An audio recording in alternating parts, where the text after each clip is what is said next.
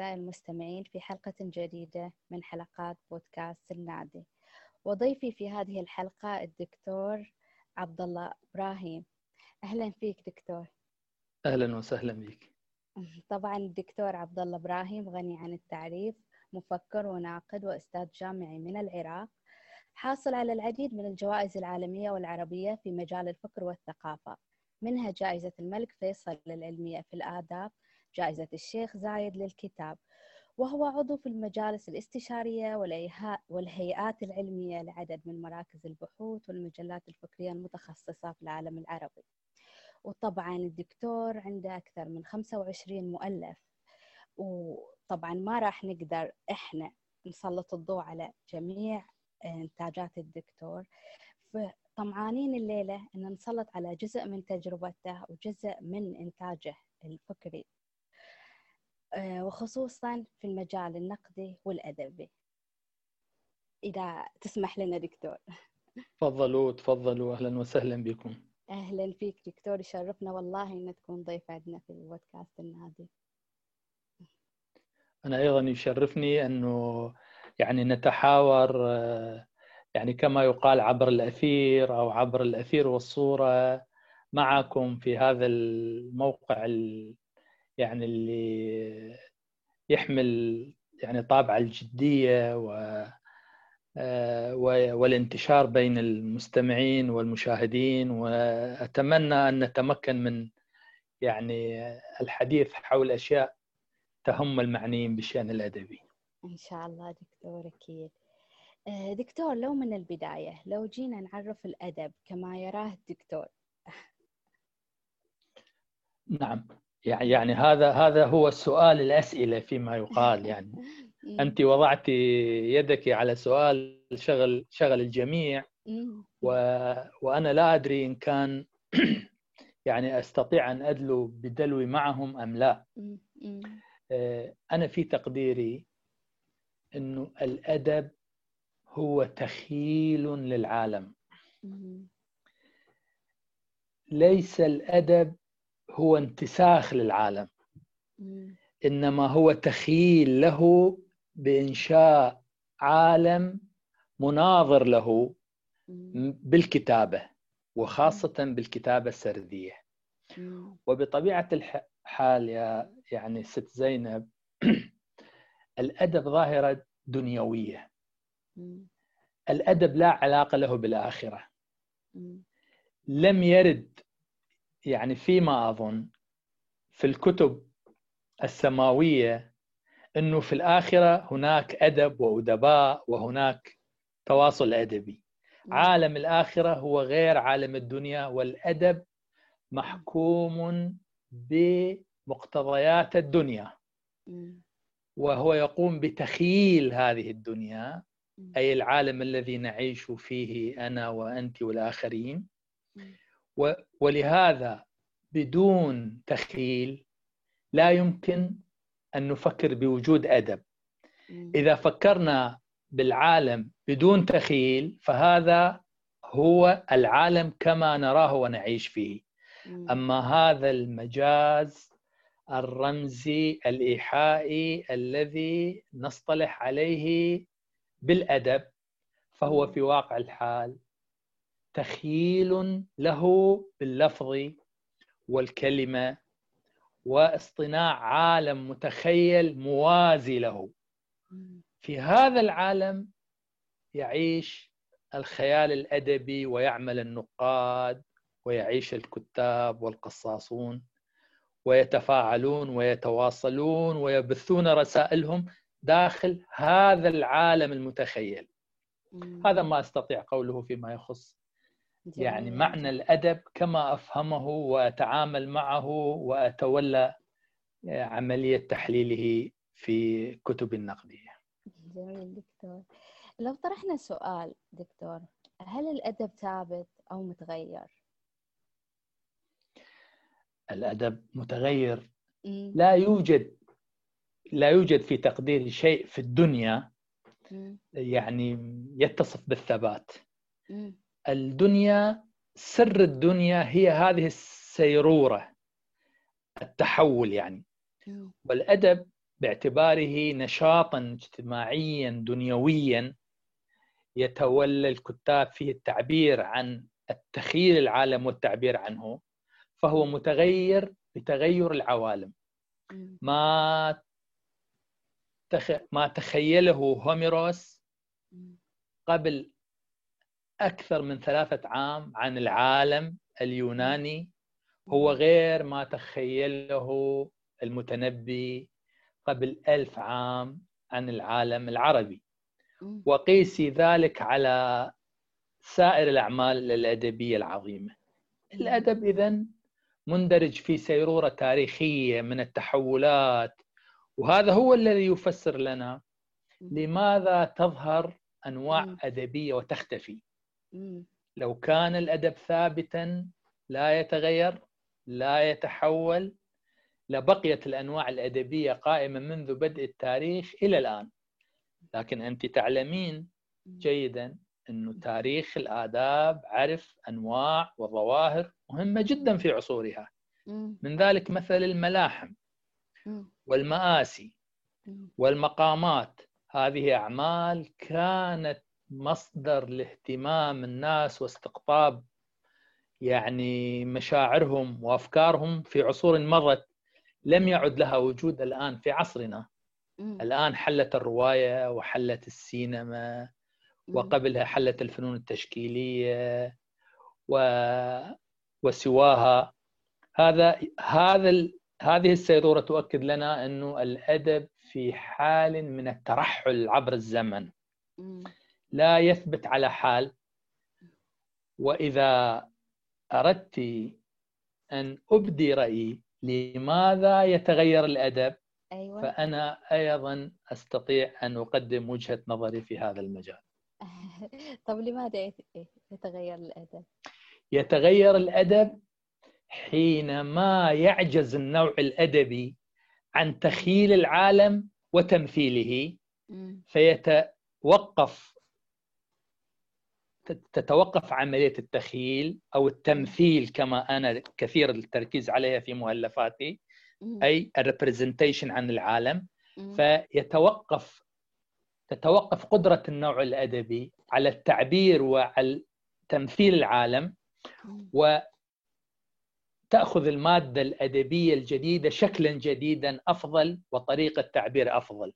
ولهذا حينما توقفت إمكانية أو قدرة الملحمة على التعبير عن العالم انبثق يعني بديل لها قادر على التعبير عن التحولات الجديدة في العالم التي لم تكن الملحمة على سبيل المثال قد تآلفت معها.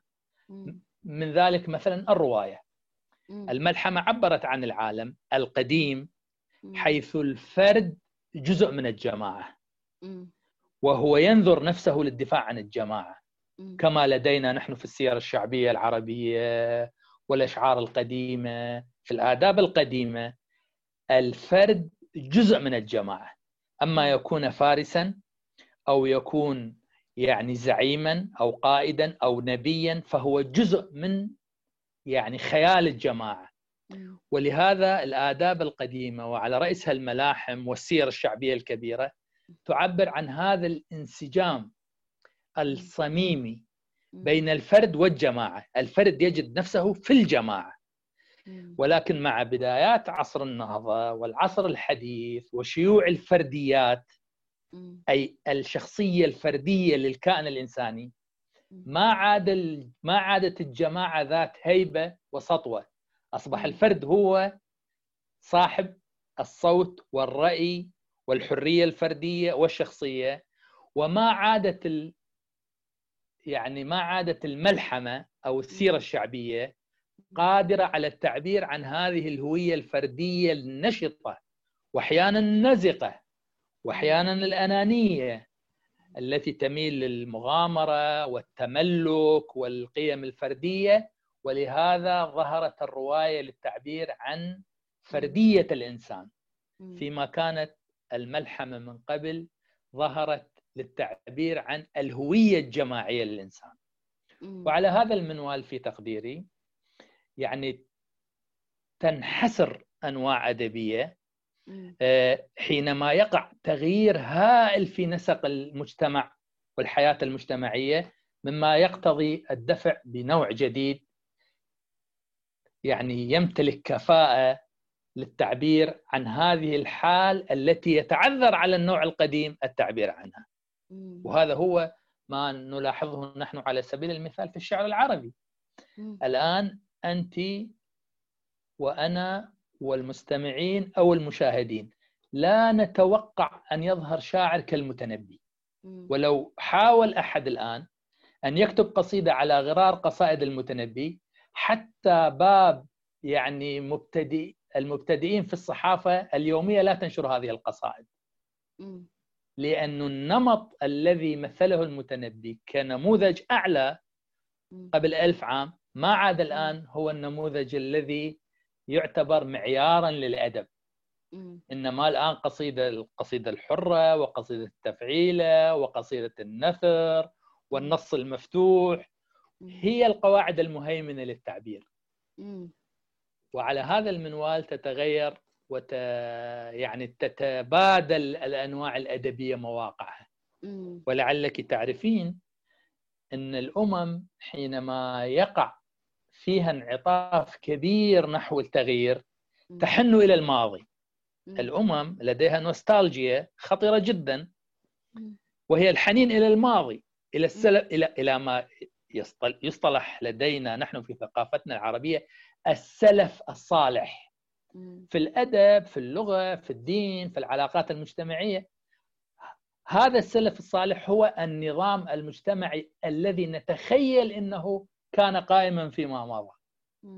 وفي الواقع هو لم يكن قائما. نحن نتخيل إنه صالح. لكن هو ليس صالحا بإطلاق. ولهذا في القرن التاسع عشر حينما هبت أمواج الحداثة على المجتمعات العربية ارتدت إلى الماضي وظهرت حركة كبيرة جدا تسمى حركة الإحياء الأدبي. كان النمط الذي يريدوه يريدونه في النصف الثاني من القرن التاسع عشر إحياء ما قاله المتنبي وأبو تمام وامرؤ القيس والبحتري وكتابة مقامات على غرار مقامات بديع الزمان وبقاسم الحريري. والسؤال الذي ينبغي أن يطرح يعني للمستمعين والمشاهدين. هل يمكن إحياء شيء ميت؟ لا يحيي لا يحيي الأموات. ولهذا فشلت حركة الإحياء في القرن التاسع عشر وأول القرن العشرين لأنها كانت تريد محاكاة القدماء. يعني أحمد شوقي والجواهري ومحمود سامي البارودي وحافظ إبراهيم واليازجي في النثر لم يكن في واردهم ابتكار شيء جديد على الإطلاق وكانه العالم الذي يعيشون فيه غير موجود. كان هدفهم محاكاة القديم الذي مضى وانقضى أمره. ومن وجهة نظري وأنا لا أتردد في التعبير عن هذا الرأي وقد قلته في موسوعة السرد موضوع إحياء النموذج القديم كائنا ما كان. بما فيه التفسير الديني محاولة عابثة لا فائدة منها على الإطلاق. علينا أن نعيد تفسير الظواهر ونعيد تكييفها ونبتكر لنا تفسيرنا المعاصر والمناسب والموافق للعصر الذي نعيش عليه. وما نجحت قط في أي مكان في التاريخ أي حركة لإحياء تراث محتضر أو منقرض أو بائد. هذه أوهام يتخيلها المرء حينما يتعذر عليه الانسجام والاندماج والتفاعل مع العصر الذي يعيش فيه. فيذهب ويلوذ بالماضي معتقدا إنه بذلك يعني قد صان الهوية التي ينتمي إليها. وهذه واحدة من أكبر ما يواجهه الأدب العربي والثقافة العربية بشكل عام. جميل. آه لو تكلمنا عن هذا الزمن دكتور من وجهة نظر ثانية أو من يعني في بدايات القرن التاسع عشر اللي هي مرحلة أنت تسميها التعريب أكثر من الترجمة اللي هي وقت رؤيتنا بعين الآخر محاولة الاقتباس من الآخر أنت تسميها المرجعيات المستعارة. ففي عندنا يعني خلينا نقول خطين خط الرجوع إلى الأصول وخط التغريب أو اللي ابتدى بالتعريب. يعني أنت تسمي التعريب أكثر من الترجمة. نعم. يعني أنت يعني تريدين أن يعني أتطرق إلى هذا الموضوع؟ إذا تحب دكتور لأن أنت تتكلم عن القرن التاسع عشر في الجماعة اللي حبت تحيي التراث بينما كان في فريق كامل آه، كان عند اللي هي مشروع كبير من مدرسة الألسن والفريق الكامل اللي كان اللي هو منبهر بالغرب وبداية ظهور حتى الرواية يقال إن فترة ظهورها في هذه الفترة أول رواية عربية نتكلم عن الرواية العربية. يعني كانت في الفترة هذه آه، خليل الخوري والبعض يقول إن الشدياقي أول رواية الشدياقي أول رواية عربية.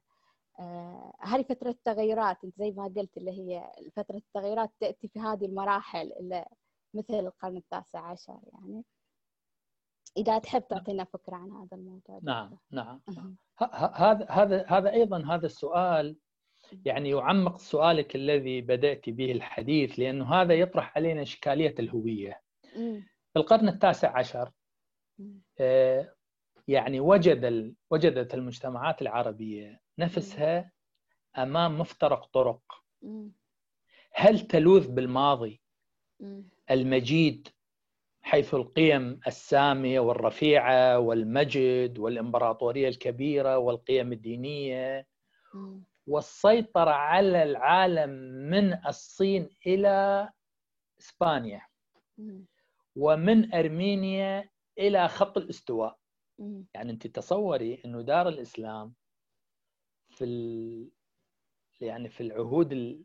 في القرون الأربعة الأولى الإسلامية الأربعة الأولى كانت تشكل قلب العالم. لم تكن أستراليا والأمريكيتين قد اكتشفت. كان العالم يتكون من ثلاث قارات فقط. وكانت دار الإسلام تمتد من مدينة كاشغر في هضبة التبت الحالية إلى غرب إسبانيا. ومن شمال أرمينيا أي جنوب روسيا الحالية ونهر الفولغا إلى جنوب خط الأستواء. كان قلب العالم هو دار الإسلام. وكان دار الحرب أي الدار التي خارج إطار دار الإسلام كانت تسمى دار الحرب كانت تشكل هامش على هذا المركز. يعني هامش من الجهة الشرقية من الجهة الشمالية من الجهة الغربية من الجهة الجنوبية. وكان ينظر إلى إلى هذه العو... إلى هذا العالم عالم دار الحرب على أنه عالم هامشي يعني لا قيمة له آه، غاطس في الضلالة والجهل. ولا يعرف للقيم معنى. والحقيقة والهداية والمجد ومعرفة الطريق القويم يوجد في داخل دار الإسلام. هذا ما كان يفكر به يعني كل من تشبع بثقافة الماضي. بطبيعة الحال هذه صورة متخيلة. يعني هذه ليست صورة واقعية ودقيقة. في القرن التاسع عشر ظهر أنه هذه الصورة بدأت تتخلخل. هذا المعتقد بأننا نحن أصحاب الأمجاد الذي التي لا نظير لها في التاريخ.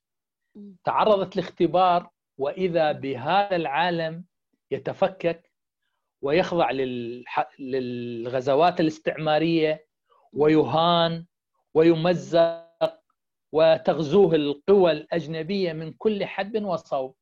أين هذا المجد؟ أين هذه القوة؟ فوقع انشقاق هائل. هل نذهب إلى الماضي ونعيد إحياء الماضي الذي مضى؟ أم ننتفع من ثقافة العصر الذي نعيش فيه؟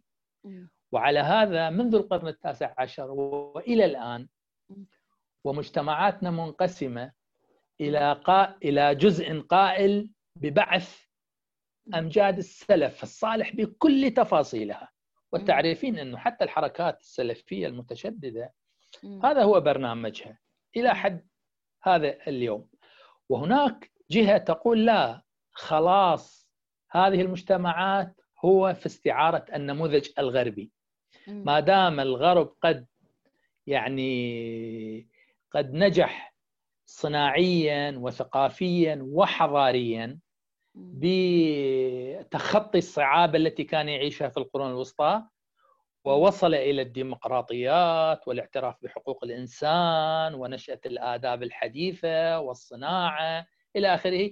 فاذا السبيل الوحيد أن نحاكي هذا النموذج. هذان هما الطريقان المتناقضان اللذان يعني انبثقت بذرتهما في القرن التاسع عشر. وكلما مضى الزمن بنا يزداد الانشقاق بين هذين التيارين إلى حد الاحتراب. في الوقت الذي نتحدث فيه الآن أنا وأنت هناك ما صنع الحداد بين هؤلاء وأولئك. وهذا يا سيدتي هو جوهر مشروع المطابقة والاختلاف الذي عملت عليه مدة 20 عام. أي المطابقة مع الماضي أو المطابقة مع الآخر. وهذا المشروع الكبير الذي شغلت به طويلا نقد المطابقة مع الماضي لأنه اعتبرها استعارة من الماضي استعارة عبر الزمان. لا فائدة منها. إذا كان الما إذا كان الما إذا كنا في الماضي قد بلغنا شأوا جيدا فهذا هذا المجد هو ابن الماضي. ولا يمكن محاكاته الآن لأن وسائل محاكاته وظروف محاكاته والنظام المجتمعي والعالمي والأخلاقي والقيمي والاقتصادي والسياسي لا ما عاد موافقا على الإطلاق لبعث هذا النموذج. ناهيك عن أنه هو نموذج لاهوتي يعني فيه كثير من الخداع. وبالمقابل إذا كان الغرب قد تمكن من إنتاج ثورة مجتمعية وصناعية واقتصادية وثقافية كبيرة. فهذه الثورة الهائلة موافقة موافقة للسياق الثقافي في الغرب نفسه.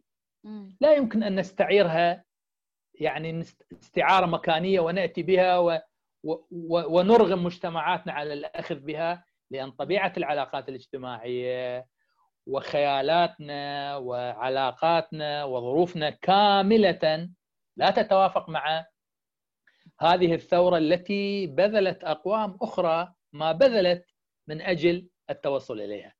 وعلى هذا ففي تقديري لا يصح لا التطابق مع الماضي لأنه استعارة عبر الزمان ولا التطابق مع الآخر لأنها استعارة للمكان. الآخر.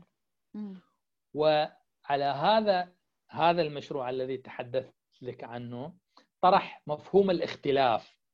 أي الاختلاف عن الماضي دون الانقطاع عنه. والاختلاف عن الآخر دون القطيعه معه. فنحن لا يمكن أن ننقطع عن ماضينا لأن هذه هويتنا. ونحن لا يمكن أن ننقطع عن الآخر لأن الآخر جزء صميمي في العصر الذي نعيش فيه.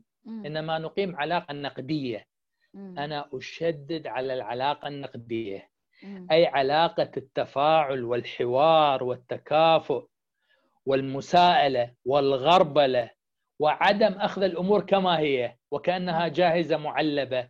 من الماضي نأتي بها ونبعثها الآن أو نأتي بها من الغرب ونرغم مجتمعاتنا عليها. العلاقة النقدية مع الماضي والآخر أي الاختلاف ديفرانس يعني هي هو أو هي في تقديري السبيل الأنسب. أنا لا أقول إنه لا يمكن أن يكون هناك أفضل منه. السبيل الأنسب الآن لأن نتخلص من عبء المطابقة مع الماضي بكل جرأة وشجاعة. دون أن نشعر بالإثم. وأن أيضا ننظم علاقتنا بالآخر دون القطيعة معه لأننا جزء منه في هذا العالم الذي نعيش فيه. هذا هو الإطار الذي يعني يا سيدتي أو هذه هي خلفية قصة يعني الأخذ من الغرب أو بعث الماضي. فكل الآداب التي ربطت نفسها بالماضي كما هو تلاشت وانحسرت ولم يعد لها وجود. الآن في الوقت الذي نتكلم عنه أنا وأنت لا يمكن أن نجد نظام القيم التقليدي في الآداب المعاصرة. ونظام الأدب ونظام القيم التقليدي أو القيم التقليدية تقوم على ثنائية الخير والشر. يعني أنا خير وهو شرير. وبما أنه أنا أفترض نفسي الخير وذاك هو الشرير ماذا يترتب علي؟ يترتب علي أن أقضي عليه لأنه شرير. إذا هو من غير ديني وإذا هو من غير جنسي وإذا هو من غير لغتي فإذا هو أقل. وينبغي أن يعني يرغم على يعني ينبغي أن يرغم الشرير على فضائل الخير. هذا النظام الجاهز المعلب ما لا يوجد له وجود في العالم. هذا مجرد نظام خيالي متخيل نحن نتخيله. ولهذا انهار بانهيار النظام التقليدي للقيم انهارت الآداب المعبرة عن هذا النظام. وصرنا بإزاء سؤال أن نعبر عن حياتنا بالأشكال التي تتمكن من تخيل حياتنا وواقعنا والحقبة التاريخية التي نحن فيها. وما سوى ذلك يعني يتلاشى ولن يكتسب أي قيمة. يعني حينما يكتب الآن على سبيل المثال روائي عربي رواية على غرار رواية يوليسيز لجيمس جويس لن يلتفت إليه أحد.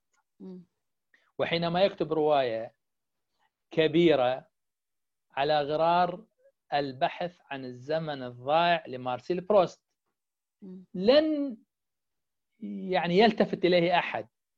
والسبب أن المحاكاة لا قيمة لها. لابد من الابتكار والابتداع وليس المحاكاة واجترار النماذج القائمة سواء كانت عند الآخر أو عند القدماء سواء كان عند الآخر المختلف عنا أو عند ال... عند عند أجدادنا أو أسلافنا في الماضي. وهذا أنا في تقديري هو الغربال الذي يغربل الفنون والآداب. فأي أدب يقوم على المحاكاة؟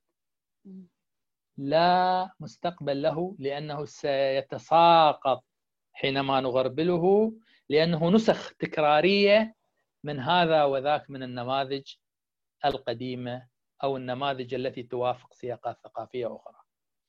وهذا يعني خلف هذه الفكرة أو على هدي هذه الفكرة أنا تقدمت بفكرة نشأة الرواية العربية في القرن التاسع عشر.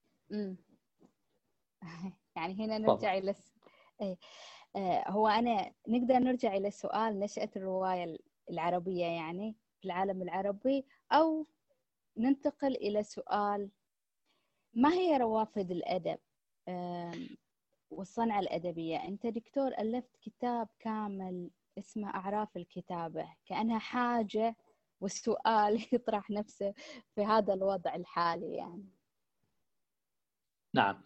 يعني يعني الانتقال ضروري بطبيعة الحال حتى لا يعني يبقى الحديث راكدا في نقطة ولكن موضوع نشأة الرواية. أيوه دكتور. يا يا سيدة زينب يعني ضروري جدا لأنه أنا كافحت من أجل يعني اقتراح. أنا لا أقول إقرار اقتراح تفسير منذ 25 سنة. أيوة. والآن بدأ ينتشر ببطء هذا التفسير. لكنه رفض وقوم قوم مقاومة يعني عنيدة جدا حينما اقترحته في التسعينات. أنا في تقديري حينما انهارت القيم الاجتماعية الحاضنة للأدب والتي كان الأدب يقوم بتخيلها انهارت الأنواع القديمة كلها، انهارت السير الشعبية. مثل السير الشعبية الخمس الكبرى التي كانت يعني كانت ملايين الناس تصغي لها. في بغداد ودمشق والقاهرة وفاس وتونس وفي كل مكان يجلسون. هذه سير كبيرة جدا. يعني أعتقد أنك تعرفين والمستمعين ربما يعرفون ذلك أن سيرة الأميرة ذات الهمة على سبيل المثال.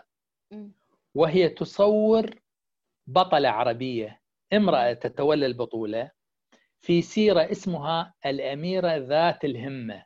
تدور أحداثها في الثغور الإسلامية بين العرب في بلاد الشام العرب المسلمين في بلاد الشام وبين البيزنطينيين اللي كانت الدولة البيزنطية قبل الفتح التركي لإسطنبول أو للقسطنطينية. هذه السيرة يبلغ عدد صفحاتها عشرين ألف صفحة. وتوجد منها حاليا نسخة في متحف برلين بعشرين ألف صفحة. ولم يتمكن أحد أن يطبعها. في القرن التاسع عشر طبعت منها طبع منها سبعون جزءا في القرن التاسع عشر. وأنا شخصيا حللت هذا هذه السبعون جزءا. طبعا هي ليست أجزاء كبيرة يعني كل جزء 200 صفحة 150 آه، صفحة تعرفين آه، طباعة تقاليد الطباعة في القرن التاسع عشر. غير ما هي عليه الآن. الآن لا يمكن لهذه السيرة. لا أن تطبع. طبعت بالقرن التاسع عشر ولم تطبع بعد. سيرة عنترة بن شداد. إحنا نسمع سيرة عنترة بن شداد. ربما في السوق الكتاب يوجد كتيب صغير ب 200 صفحة. هذه سيرة عنترة بن شداد في طبعتها في القرن التاسع عشر تتألف من 55 جزءا. هذه الآداب كلها لم يعد لها وجود لأنها هي والعالم القيمي الداعم لها ذهبت. كما ذكرنا في بداية الحديث أنه العالم أنه الآداب تجري تمثيلا لهذا القيم. طيب بانحسار هذه القيم أين ذهبت المادة السردية؟ هذه لدينا مواد سردية هائلة في المقامات وفي الحكايات الخرافية مثل ألف ليلة وليلة ومئة ليلة وليلة والسير الشعبية الخمسة الكبرى. يعني بما أن العالم العالم الحاضن لهذه لهذه الأعمال الأدبية الكبيرة قد انهار النظام القيمي فانهارت الأنواع ولكن المادة السردية بقيت موجودة. بقيت هذه المادة السردية. في القرن التاسع عشر وبحكم ظروف التغيير والتحديث ظهرت ظهرت الرواية لإعادة تجنيس تلك المادة بطريقة توافق روح العصر. توافق روح العصر. أي أن الرواية لم تكن مستعارة من الغرب. وأنا أحصيت وجود ما لا يقل عن 150 رواية ظهرت قبل رواية زينب. الرواية التي تحمل اسمك أنت. زين؟ هذه ظهرت كلها قبل قبل رواية زينب التي طبعت في سنة 1913 كتبها هيكل بعد أن عاد من فرنسا حاملا لشهادة الدكتوراه في القانون. الرواية إذا ما كانت مستعارة من الغرب وإدخالها وحقن الثقافة العربية بها. إنما هي التقطت هذا الشكل الجديد التقط مادة سردية تفككت وتحللت من النوع أو من الأعراف الكتابة الخاصة بالنوع وأعادت أعاد هذا الشكل الجديد تجميع تلك المادة وبعثها. ولهذا كل الروايات تقريبا كل الروايات يعني أنا مسؤول عن كلامي كانت في النصف الثاني من القرن التاسع عشر تلتقط تلتقط كثير من ملامحها من مادة الموروث القديم ولكن بشكل جديد. وتدريجيا مع الزمن أيضا تخلت عن موضوع المستعار من الماضي ودخلت الرواية.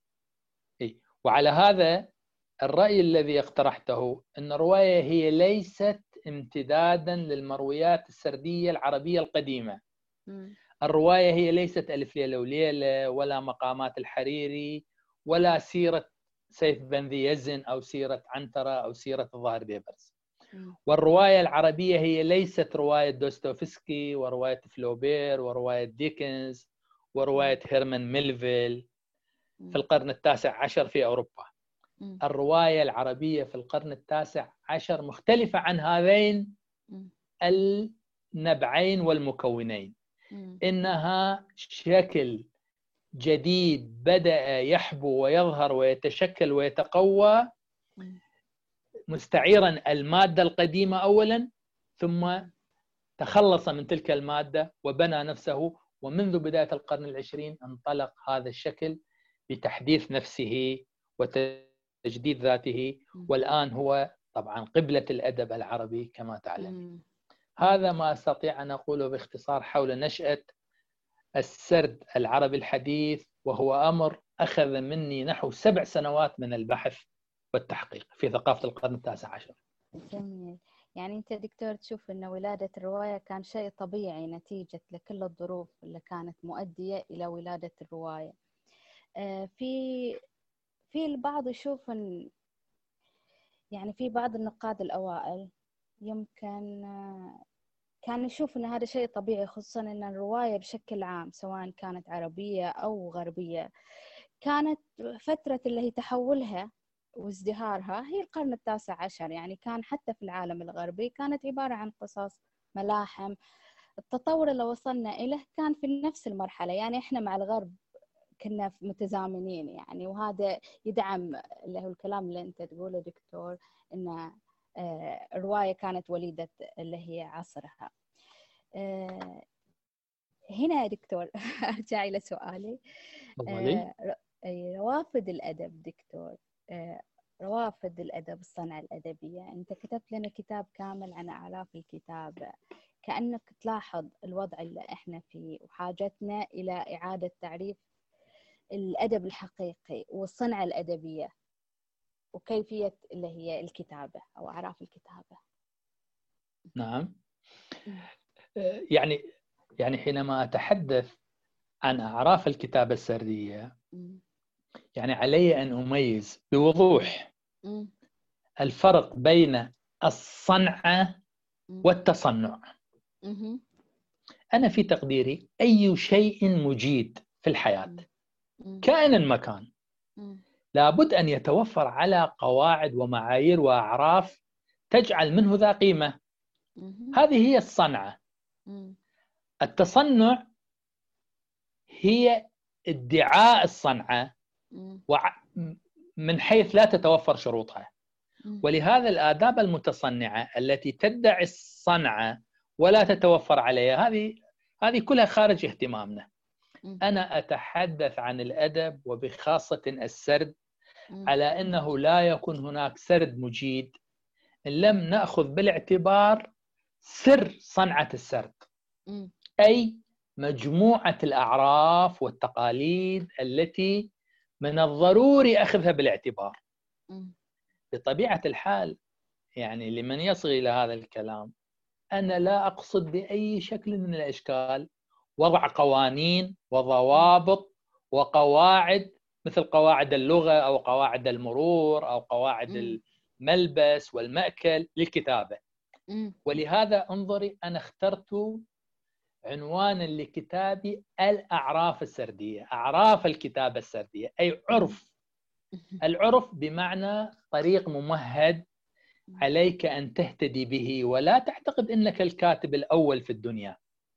يعني لا تعتقد يعني يعني تذكر لكل كاتب تذكر إنه يا أخي قبلك أبوليوس في الحمار الوحشي الحمار الذهبي أو الجحش الذهبي تذكر قبلك سيرفانتس في دون كيخوتي. تذكر قبلك ديكنز في قصة مدينتين. تذكر قبلك ميلفيل في موبي ديك. تذكر قبلك دوستوفسكي في الأخوة كرامازوف. تذكر قبلك دوستوف تولستوي في الحرب والسلام. تذكر قبلك نجيب محفوظ في أولاد حارتنا. هؤلاء شقوا طريق. مثل ما المياه الجارية من الأعالي تشق طريقها في الأراضي السهلية أو المنحدرة وتكون نهرا. لا يمكن حتى أنتقل أنا من مكان إلى مكان نهرا اتي وأزعم إنني أشق نهرا خاص بي. يعني إذا كان هناك نهر مثل نهر النيل أو نهر الفرات أو نهر دجلة أو نهر المسيسيبي أنا أبحر في النهر بطريقتي. أحدد سرعتي أحدد الأمان أحدد الطرق يعني الطرق يعني إبحاري في هذا النهر. لو لو كان لو كان الانتقال في النهر يسمى ابحارا هو انتقالا يعني أقصد فيه. ولا أزعم أني والله سأنتظر إلى أن أشق نهرا لي. لأنه هذا النهر الذي تكون مر بآلاف أو عشرات الآلاف من السنين حتى أصبح نهرا. فله عرف له منحدر له مجرى وأنا آتي فيه. ويكون لي دور في هذا الطريق الممهد والمعبد. من إضافة أو حذف أو تغيير أو تفاعل. ولهذا للسردي نهر. يعني للسردي نهر. هائل. على الكاتب أن لا يتجاهل هذا النهر. ويعتقد أنه كائن يعني وكأنه أوحي له وحيا. أي مغامرة فردية خارج تيار السرد لا مستقبل لها. عليك ضمن هذا التيار أن تجد لك هوية ودور وأسلوب وطريقة. طيب كيف تجد لك طريقا؟ أيوة كيف تجد لك طريقا؟ لأنه أنت لك كلمة غير كلمة غيرك. لك طريقة تخيل في هذا العالم غير طريقة تخيل غيرك.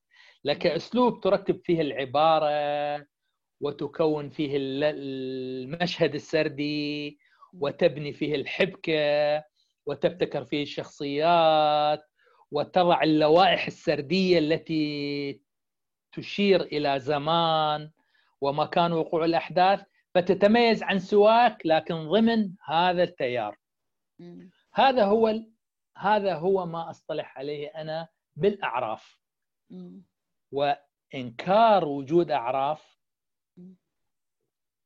يؤدي بنا إلى فوضى لا معنى لها وضياع في يعني تعب لا جدوى منه.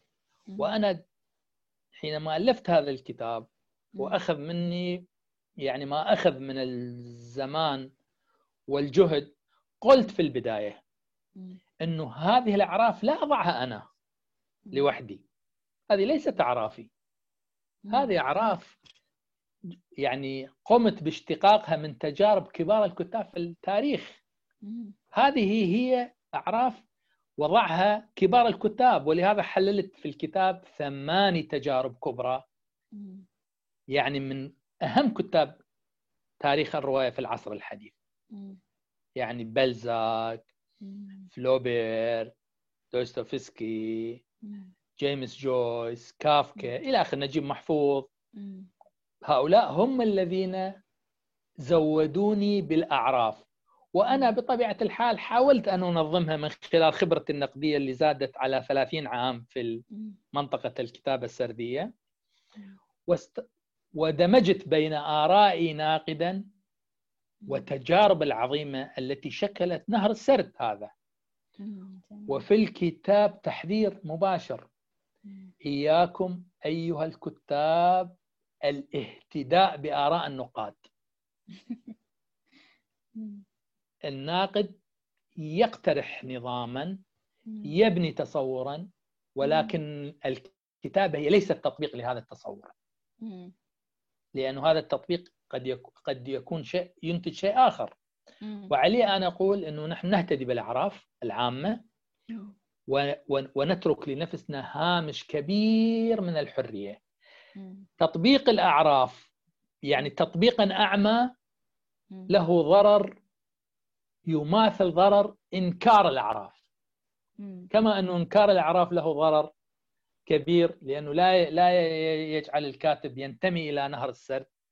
أيضا التطبيق الأعمى لقواعد السرد كائن المكان مصدرها. التطبيق الأعمى لها يؤدي إلى المحاكاة والتقليد والاستنساخ. الكاتب يرى الأعراف يتعرف عليها من خلال أهلها أي من خلال كبار الكتاب الذين شكلوا هذا النهر أو هذا التيار ثم يب ثم يسبح في هذا التيار. بطبيعة الحال أنت تعلمين أنه كل واحد يسبح بطريقته. لكن لا يمكن واحد يسبح خارج التيار خارج النهر.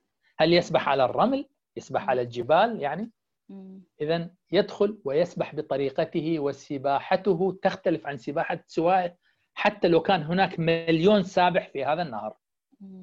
هذا ما أردت قوله. أنا يعني أشدد كثيرا على أن الكاتب يهتدي بالأعراف.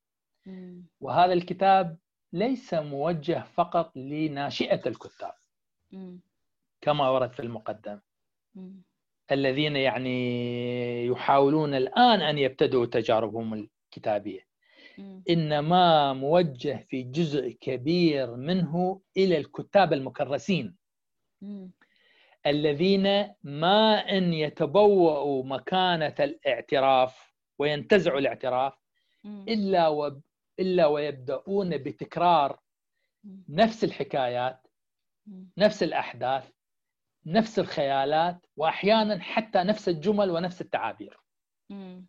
الكاتب يعني حينما يس يعني حينما يستقر على نوع من الاعتقاد انه امتلك سر الكتابة الأدبية يبدأ يكرر نفسه.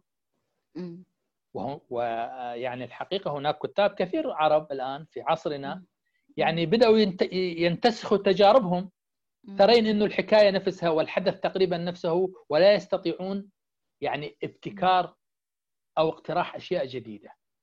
وعليه هذا الكتاب فيه تحذير صارم إنه على الكاتب أن لا يكرر نفسه وأن لا يعني يستنسخ الأحداث التي التي شكلت مجده الأدبي يبقى يقظا وحيا وقادرا ومنتبها إلى أنه لا يقع في التكرار والتقليد بما فيها تقليد مؤلفاته هو نفسه. جميل. هذا ما أردت قوله ولا أدري إن كنت قد وفقت أو لا. أكيد أكيد دكتور وفقت في الكتاب. كتاب جميل جدا. وأنصح فيه سواء قارئ أو آه، كاتب. آه، الكتاب جميل جدا.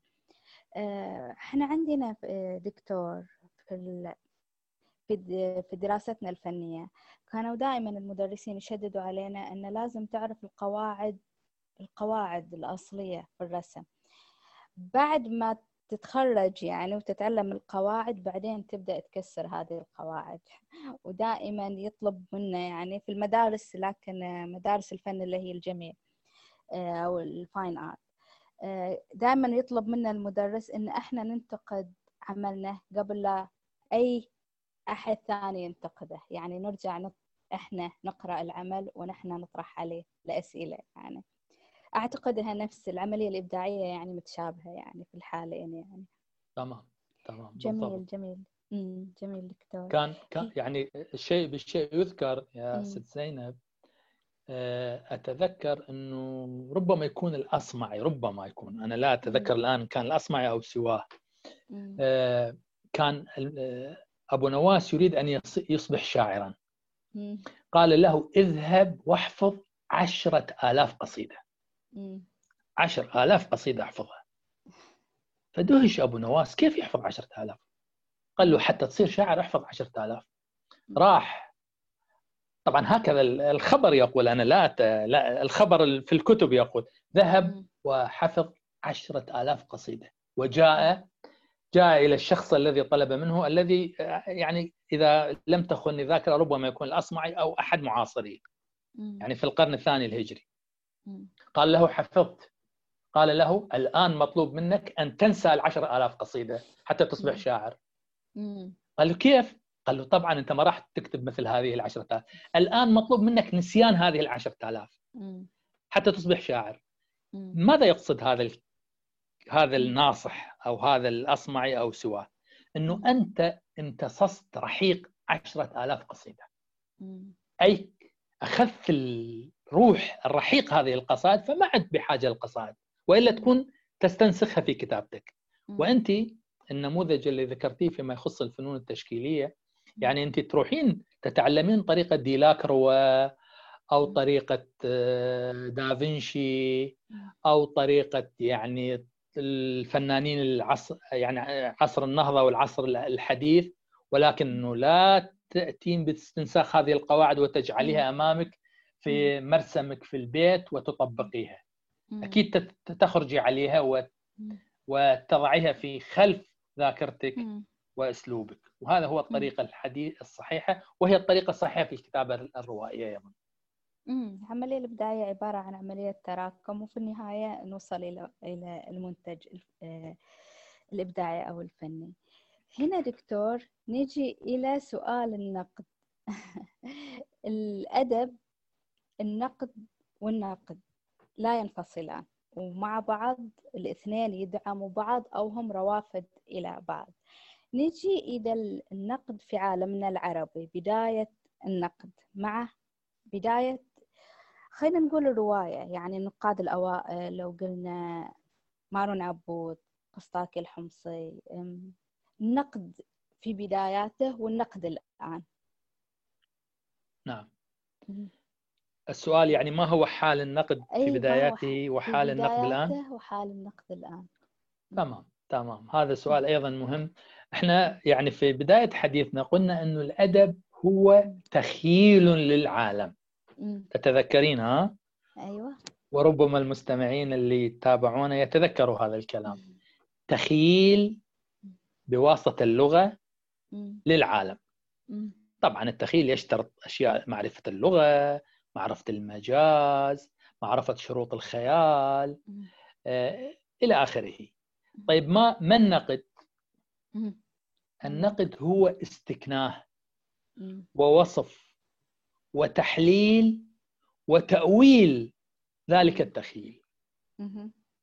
ولهذا يعني أنا من وجهة نظري أقول أنه النقد هو قراءة مم. لهذه المتخيلات التي يكتبها الأدباء أو. يتخيلها الأدباء. ما معنى قراءة؟ يعني في في يعني في تصوري. القراءة هي أن يتموضع الناقد داخل النص الأدبي سواء كان رواية أو قصيدة أو مسرحية أو لوحة آه، أو قطعة موسيقية أو. فيلم سينمائي إلى آخره. نحن الآن نتكلم عن الأدب اللغوي وليس أيوة. الآداب بالوسائل الأخرى مم. وخاصة السرد مم. يعني ال- الناقد هو الشخص هو القارئ المثالي مم. ما ما ما- ماذا نقصد بالقارئ المثالي؟ يعني القارئ الذي توفر على عدة القراءة مم. يعني بمعظم مستلزماتها لأنه مم. لا لا يمكن استكمال هذه المستلزمات إنما معظمها يعني مم. معرفة معرفة التراث الأدبي معرفة أعراف الكتابة السردية مم. آه، كيفية صوغ الأفكار الفرضيات طرق التحليل التأويل هذه العدة التي بها يتحول القارئ من قارئ عادي يبحث عن تزجية الوقت وملء الفراغ وربما المتعة والاسترخاء إلى قارئ منتج وهو. الناقد يعني. إذا هذا الناقد هذا القارئ المثالي يتموقع أي يتموضع داخل النص. ماذا يعمل؟ من جهة يرى ما هي ال... ما هي القضايا التي يحتويها النص. الكاتب ماذا يعني ماذا أودع الكاتب في تضاعيف هذا النص؟ من رموز وإشارات وإيحاءات وأفكار ومقاصد. هذا أولا. اثنين عليه على هذا القارئ أن. يرى العالم الذي السياق يعني أنا أسميه العالم الذي يتنزل فيه هذا النص مم. يعني ما هو العصر هل هو عصر الحديث عصر. القديم مم. في أي وقت هذا النص ماذا يعالج إذا لابد أن الناقد يأخذ بالاعتبار سياق العصر الذي يعيش فيه أيضا مم. مم. وثالثا عليه أن يبدي رأيه هو أيضا ثقافته ميوله ذائقته خبراته هو إذا القراءة النقدية هي في تقديري. التقاء ثلاث منابع في جسد النص على النص الأدبي. ما يريده الكاتب ما. يريده ال- العصر أو السياق الثقافي ما يريده القارئ أو الناقد. هذه المزج بين هذه العناصر الثلاثة. هي القراءة النقدية. وهذه القراءة. بالمناسبة لها تاريخ. يعني تاريخ تاريخ رائع لأنه في العصور القديمة إلى القرن التاسع عشر كان يقع التركيز فيها على شخصية الكاتب. وربطه بعصره. وفي. بعد الحرب العالمية الثانية والخمسينات والسينات من القرن الماضي حينما ظهرت النماذج المناهج الحديثة مم. كال يعني امتداداتها والتاثير الشكلانيين الروس ومدرسة براغ والنقد. الجديد في أمريكا والبنيوية مم. في فرنسا وقع التركيز على هوية النص الأدبي فقط دون سواه ليس المهم عصره ولا المهم كاتبه وانتماء كاتبه الكاتب وايديولوجيا الكاتب وعصر الكاتب تركيزنا على النص فقط. تركيزنا على أدبية النص. ال literarity أو ال literariness يسمى. فوظيفة النقد في هذه المدارس هو فقط التركيز على النص. وإبعاد المؤثرين الآخرين. منذ الثمانينيات ونتيجة ظهور المدارس السيميولوجية والسيميائية التفكيكية والتداولية انتقلت القراءة إلى الاهتمام بالتلقي وبالسياق الثقافي. كيف نتلقى الأدب؟ لا قيمة لألف ليلة وليلة فلنقل إن لم نتلقاها بطريقة مفيدة. ما هي الطريقة المفيدة التي نتلقاها في عصرنا لألف ليلة وليلة؟ مو نقرأها كقصص شبه إباحية تفضي بها شهرزاد لشهريار هذه قراءة قديمة إنما نقول أنه كتاب ألف ليلة وليلة هو عيادة لعلاج ملك مهووس بقتل النساء. لأن النساء كلهن في نظر هذا الملك يعني خائنات. فتأتي امرأة متعلمة مثل شهرزاد تخضع هذا الملك لعيادتها فتشفيه بالسرد. تروي له 96 حكاية في ألف ليلة وليلة تحوله من ملك قاتل يفتض كل يوم عذراء ويقتلها. حتى ما تخونه إلى ملك صالح له عائلة وله أولاد وله زوجة يحبها ويريدها. كيف نجحت هذه شهرزاد بهذا حينما جعلت من السرد وسيلة لشفاء ملك مهووس بالقتل وسوء الظن بالنساء. هذه القراءة هي ما نحتاج إليها الآن. هذه القراءة ما كانت موجودة قبل حينما ظهر كتاب ألف ليلة وليلة. إذا تلقينا لكتاب ألف ليلة وليلة في ضوء هذه الفكرة وبالطبع الكتاب فيه أفكار أخرى ربما يعني غير قصة شفاء الملك المريض هذا مريض النفسي. هذه هي التي تعطينا قيمة للتلقي.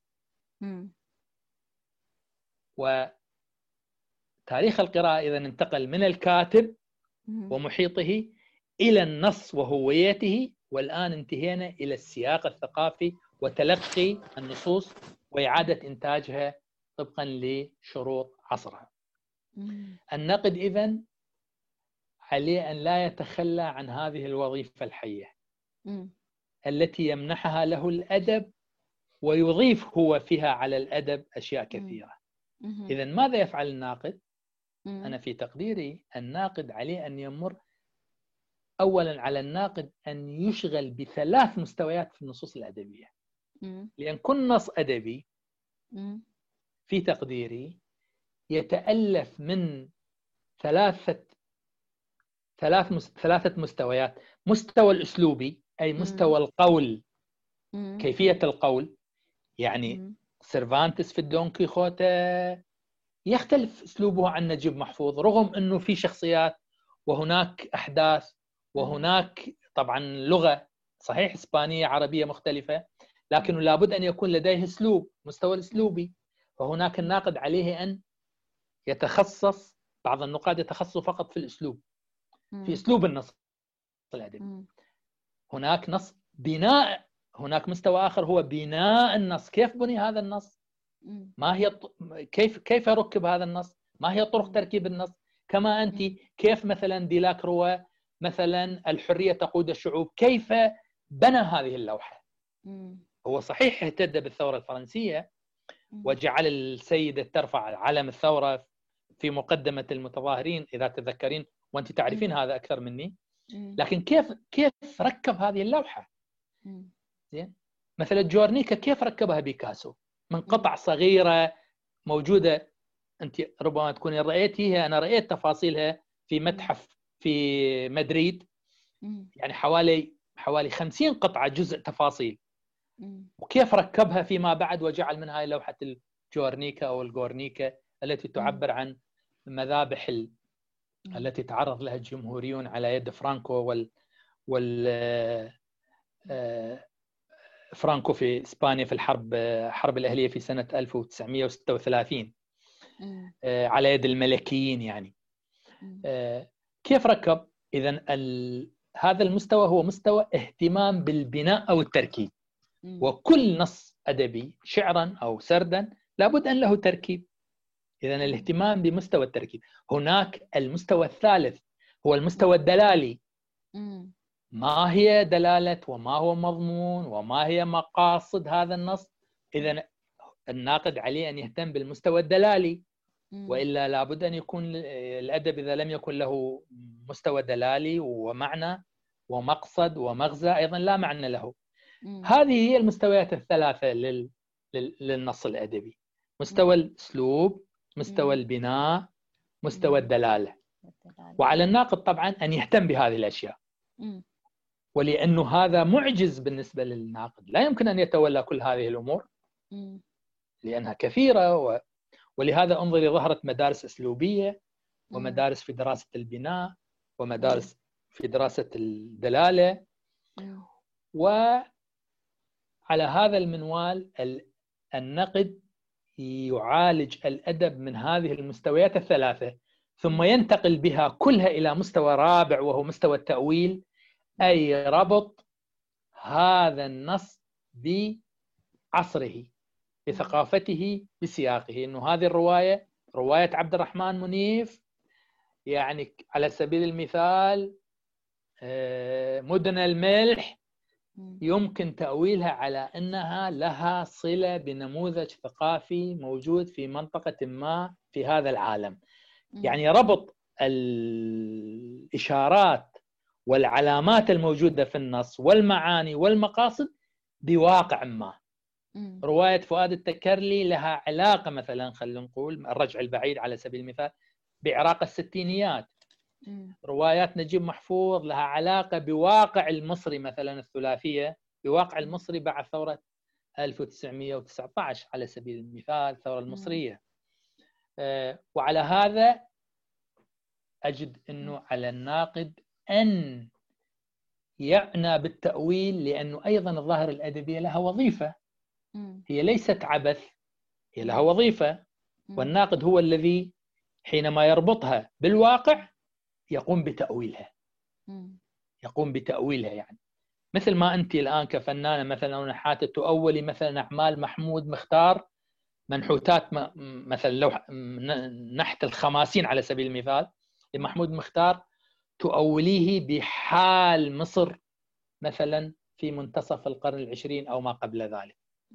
وقيسي على ذلك الأشياء الأخرى. إذا إذا لم يأخذ النقد والناقد باعتباره هذه المهمة فإن الأدب سيخسر كثيرا والناقد لن يكون له قيمة على الإطلاق. يعني يكون دخيل أصلا على العملية النقدية وجاهل بها ويكون قد يعني ربط نفسه بقضية يعني ستلفظه ولن تقبل به لأنه هذا هو ما ينبغي أن يقوم فيه. إذا لم يقم بهذا ماذا ماذا يقوم؟ ليس له مهمة إلا هذه المهمة الجليلة وصف مستويات الأسلوب والبناء والدلالة ثم ربط العالم المتخيل بمرجعية ثقافية واجتماعية في العصر الذي يعيش فيه الكاتب جميل هذا ما أستطيع أن أقول أقوله في حول هذا الموضوع. امم جميل جميل دكتور. دكتور لو حبينا ناخذ آه، استراحة آه، وطلبنا منك تختار لنا كده مقطوعة موسيقية تناسب مع مع ذوقك شيء للمستمعين والمشاهدين. على ذوقك دكتور. نعم. يعني يعني قبل أن يقع اختياري على شيء ما أنا الحقيقة طبعا الموسيقى يعني جزء من عالمي إلى ما قبل حوالي عشر سنوات. إلى درجة مثلا خلال فترة الصباح أنا لا أكتب إلا على صوت فيروز. جميل. يعني خلال يعني ساعات الصباح إلى الظهيرة أكتب على في المساء طبعا أسمع عبد الوهاب وأسمع اسمهان ولكن أنا شغفت لفترة طويلة في الموسيقى الكلاسيكية. يعني شوبان آه، بيتهوفن آه، بيرليوز آه، موزارت. إلى درجة حتى قصدت متاحفهم لزيارتهم بما فيها متحف موزارت في سلسبورغ في النمسا وإذا كنتم تستطيعوا أن يعني تختاروا مقطع خفيف جدا أو كونشرتو يعني سريع من لموزارت في هذه الاستراحة فأنا أكون شاكر لكم هذا الاختيار وأترك لكم اختيار القطعة المناسبة لذلك.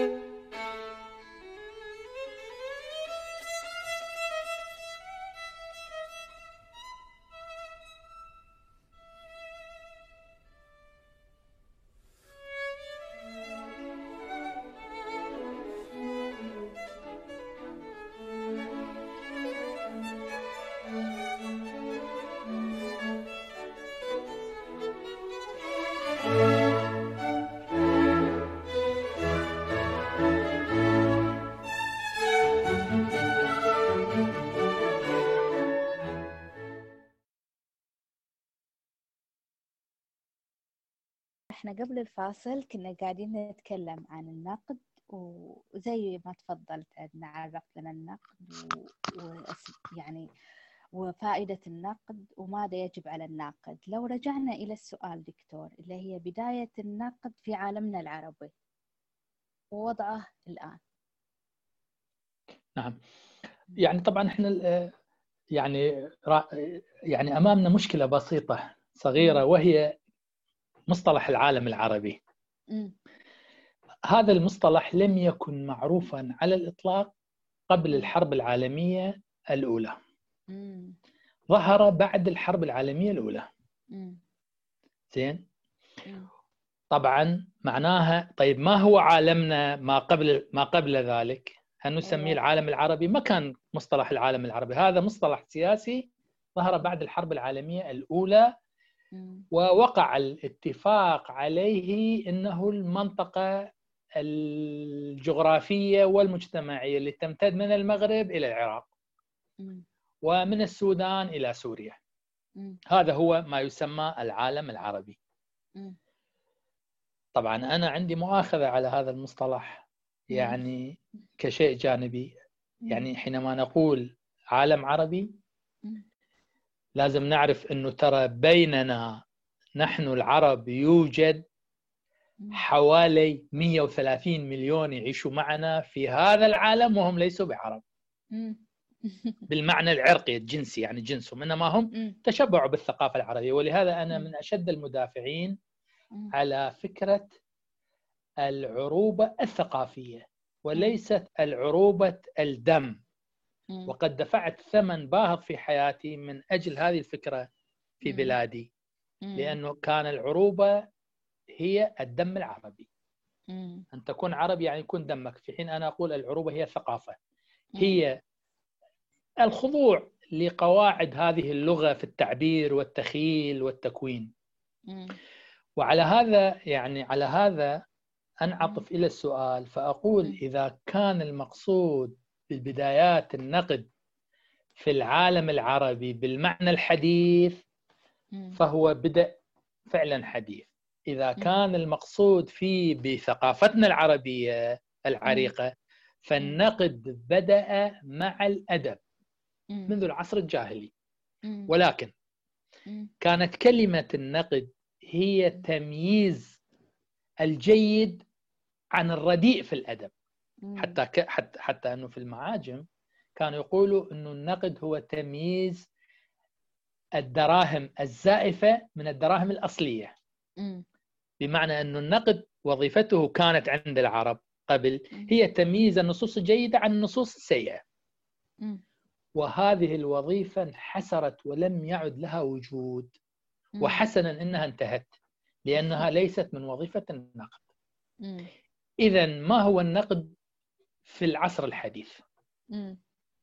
في البدء يعني في في النصف الثاني من القرن التاسع عشر وبداية القرن العشرين وفيما بعد حينما نمت الظاهره الأدبية الحديثة نما معها وعي بتحليلها. رغم أنه كان وعي بسيط يعني كان وعيا انطباعيا. ولهذا فبدايات النقد العربي كانت تعنى يعني بانطباعات الناقد عن ما تثير هذه النصوص في نفسه. عن الكاتب وماذا عبر عن ايديولوجيه الكاتب. هل هذا الكاتب مثلا ذو ميول دينية أو ميول مثلا ماركسية أو ميول وجودية؟ يعني كان النقد ينقب أيضا في أسرار الكتاب وفي هوياتهم الشخصية ويريد أن يجعلوا من آدابهم يعني أصوات ناطقة عنهم. ولهذا إذا تذكرين يا سيدتي أنه نجيب محفوظ كفر على روايته أولاد حارتنا. لأن قول على أنه كان يصور نشأة الخليقة والأنبياء في روايته. اعتبر اعتبرت الرواية ناطقة عن أيديولوجية نجيب محفوظ. والنقد براء من هذا الصلة. النقد لا يتهم. يعني الناقد هو ليس قاضي يجلس في محكمة الأدب ويحكم. هذه ليست وظيفته. وأنه أنه يبقى الناقد يلوك ويجتر انطباعات وجهات نظر سياق ثقافي آه، عصر الكاتب عصر يعني نشأة الكاتب وماذا عبر الكاتب. هذه قصة انتهى أجلها وانتقل النقد إلى أن يكون صنعة. لها قواعد ولها أعراف ولها مستلزمات. وكما أشرت في جوابي عن سؤال سابق لك أنه عليه أن يقارب النص حسب المستوى الذي يتخصص فيه. ناقدا اسلوبيا ناقدا بنائيا ناقدا دلاليا. وبهذه الطريقة بدأ النقد انتقل من كونه جملة من الانطباعات والتحليلات آه، كما نجدها عند المناهج التاريخية والأخلاقية والانطباعية والنفسية التي تأثرت مدرسة التحليل النفسي عند فرويد انتقلت إلى أنه تصبح يعني حرفة أو صنعة أدبية دقيقة ينبغي أن يكون الناقد معد لها أن لا تترك للأهواء لكل من هب ودب في أن يتوهم نفسه ناقدا. كما كما قلنا يعني في سياق حديثنا إنه كما إنه لا يحق للكاتب أن يصرف النظر عن أعراف الكتابة ومعاييرها التي بها يتمكن من يعني الإفصاح عما يريد بشكل مناسب. أيضا في النقد لا يحق له أن يعني يرتجل ما لم يعد له. وعلى هذا النقد له وظيفة مهمة جدا. النقد يفرش الأرضية للأدب. النقد يمهد يعني يمهد للأدب. لكي يقع تلقيه وقبوله وتحليله ولكي يؤدي الادب الوظيفة المناطة به. إحنا مجتمعاتنا ما زال للأدب فيها وظيفة كبيرة جدا يعني. يعني ربما مثلا في بعض المجتمعات الأخرى يعني مثل المجتمع الفرنسي على سبيل المثال ظهرت فيه في منتصف القرن العشرين ما تسمى الرواية الجديدة. على يد آلان روب جريه وناتالي ساروت وميشيل بوتور و... وآخرين حيث حيث طرح ما يسمى درجة الصفر في الكتابة. أي لا يوجد شيء تحت سطح النص. لا توجد حكاية لا توجد رسالة لا يوجد مغزى. يعني أنت حينما تقرأين رواية المماحي لآلان روب جريه لا تعثرين على حكاية لا تعثرين على شخصيات لا تعرفين ماذا يقول الكاتب. هو يصف جدران ويصف شوارع وطرقات فقط. يعني الكتابة بدرجة صفر. يعني الكتابة التي لا يتأدى عنها عالم متخيل نراه نحن كقراء حينما نغوص في النص. يعني طبعا هذه الظاهرة يعني ظهرت في فرنسا نتيجة الفلسفات العدمية اللي شاعت بعد الحرب العالمية الثانية كما تعرفين. حيث يعني بدأ سؤال العبث واللا جدوى واللا معقول وسرعان ما تخلص الفرنسيون منها لأنها مثلت تلك الحقبة. في آدابنا في مجتمعاتنا عفوا ما زال للأدب وظيفة مهمة جدا. حيث يقوم بتمثيل تطلعاتنا للحريات الفردية والجماعية. المظالم والقهر وحالات النفي والنزوح والاستبداد والظلم والحيف وعدم العدالة أي الظلم يعني عدم المساواة تقصد هذه كلها أشياء تعج بها مجتمعاتنا. الأدب يعني يضيئها لنا. أنا لا أقول يرسمها أو يستنسخها أو يقدم لنا إياها كدرس أخلاقي إنما يسحبنا إليها لكي نتعلم لأن السرد يعدل نظرتنا للعالم كما أن العالم يعدل نظرتنا للسرد. وأنا يعني في تقديري يا سيدتي أن النقد يساعدنا في معرفة وظيفة الأدب وجماليات الأدب. و يعني طراوة هذا العالم وغزارته وثراؤه. فإذا ما تخلى النقد عن هذه الوظيفة أصبح نقدا سلبيا وأنا أتمنى يعني على زملائي وأقراني من النقاد والباحثين أن يحيوا وظيفة النقد يعني. لا يعني نصاب بالعجز العقلي والكسل النفسي و... ويبقى ال... تبقى الممارسة النقدية أما تصنيف متري أو حتى حتى مليمتري صار. يعني مو فقط متري للنصوص وتقسيمها وتشجيرها وتجزئتها بدعوى بعدة دعاوى أو بكتابة حواشي عليها. هذه ليست من وظيفة النقد. النقد وظيفته إنزال الظاهرة النقدي الأدبية. منزلتها الحقيقية في مجتمعات هي بأمس الحاجة لهذا الأدب الرفيع. وليس الأدب الركيك وليس الفن الركيك وليس الأخلاق الركيكة التي يعج بها. تعج بها مجتمعاتنا هذا هو الرابط بين الأدب والنقد. وهو ما أتمنى أن يكون يعني إيه، مدار اهتمام النقاد أو القراء المثاليين للأدب. جميل دكتور. فلو قلنا الآن أن للنقد رؤية وفي له منهج. لو تكلمنا الآن عن مناهج النقد عندنا هنا ونظريات النقد. النظريات اللي إحنا استوردناها وهل توجد نظريات للنقد طالعة من عند من عندنا من الأدب نفسه يعني؟ نعم. يعني يعني دعيني أقول آه، أميز بين المنهج والنظرية. المنهج هو مقترح. يعني لط... ل... أو طريقة حتى كلمة منهج مأخوذة من نهج. والنهج هو الطريق أو الطريقة لتحليل الأدب من زاوية معينة. مثلا المنهج النفسي يسعى إلى الربط بين نوازع الشخصيات في النص الأدبي ونوازع مؤلفيها من الناحية النفسية. مهتدين بما قام به فرويد من اعتبار الأدب هو مجاز رمزي للتعبير عن المكبوتات والمضمورات والمحتجبات داخل النفس الإنسانية.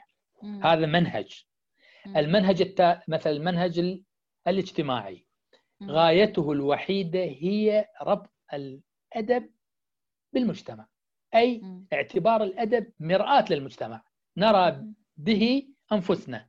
وهذه النظرية المرآوية يعني اللي أشاعتها الماركسية لفترة طويلة في مجتمعاتنا وفي العالم حتى. يعني لا تنظر للأدب على أنه ذو قيمة إلا بمقدار كون الأدب يعكس واقع مجتمعي. إذا وجدنا فيه يعني صورة دقيقة جدا للمجتمع الذي أنتج الأدب فهذا أدب جيد. هذا ما سمي إذا تذكرين.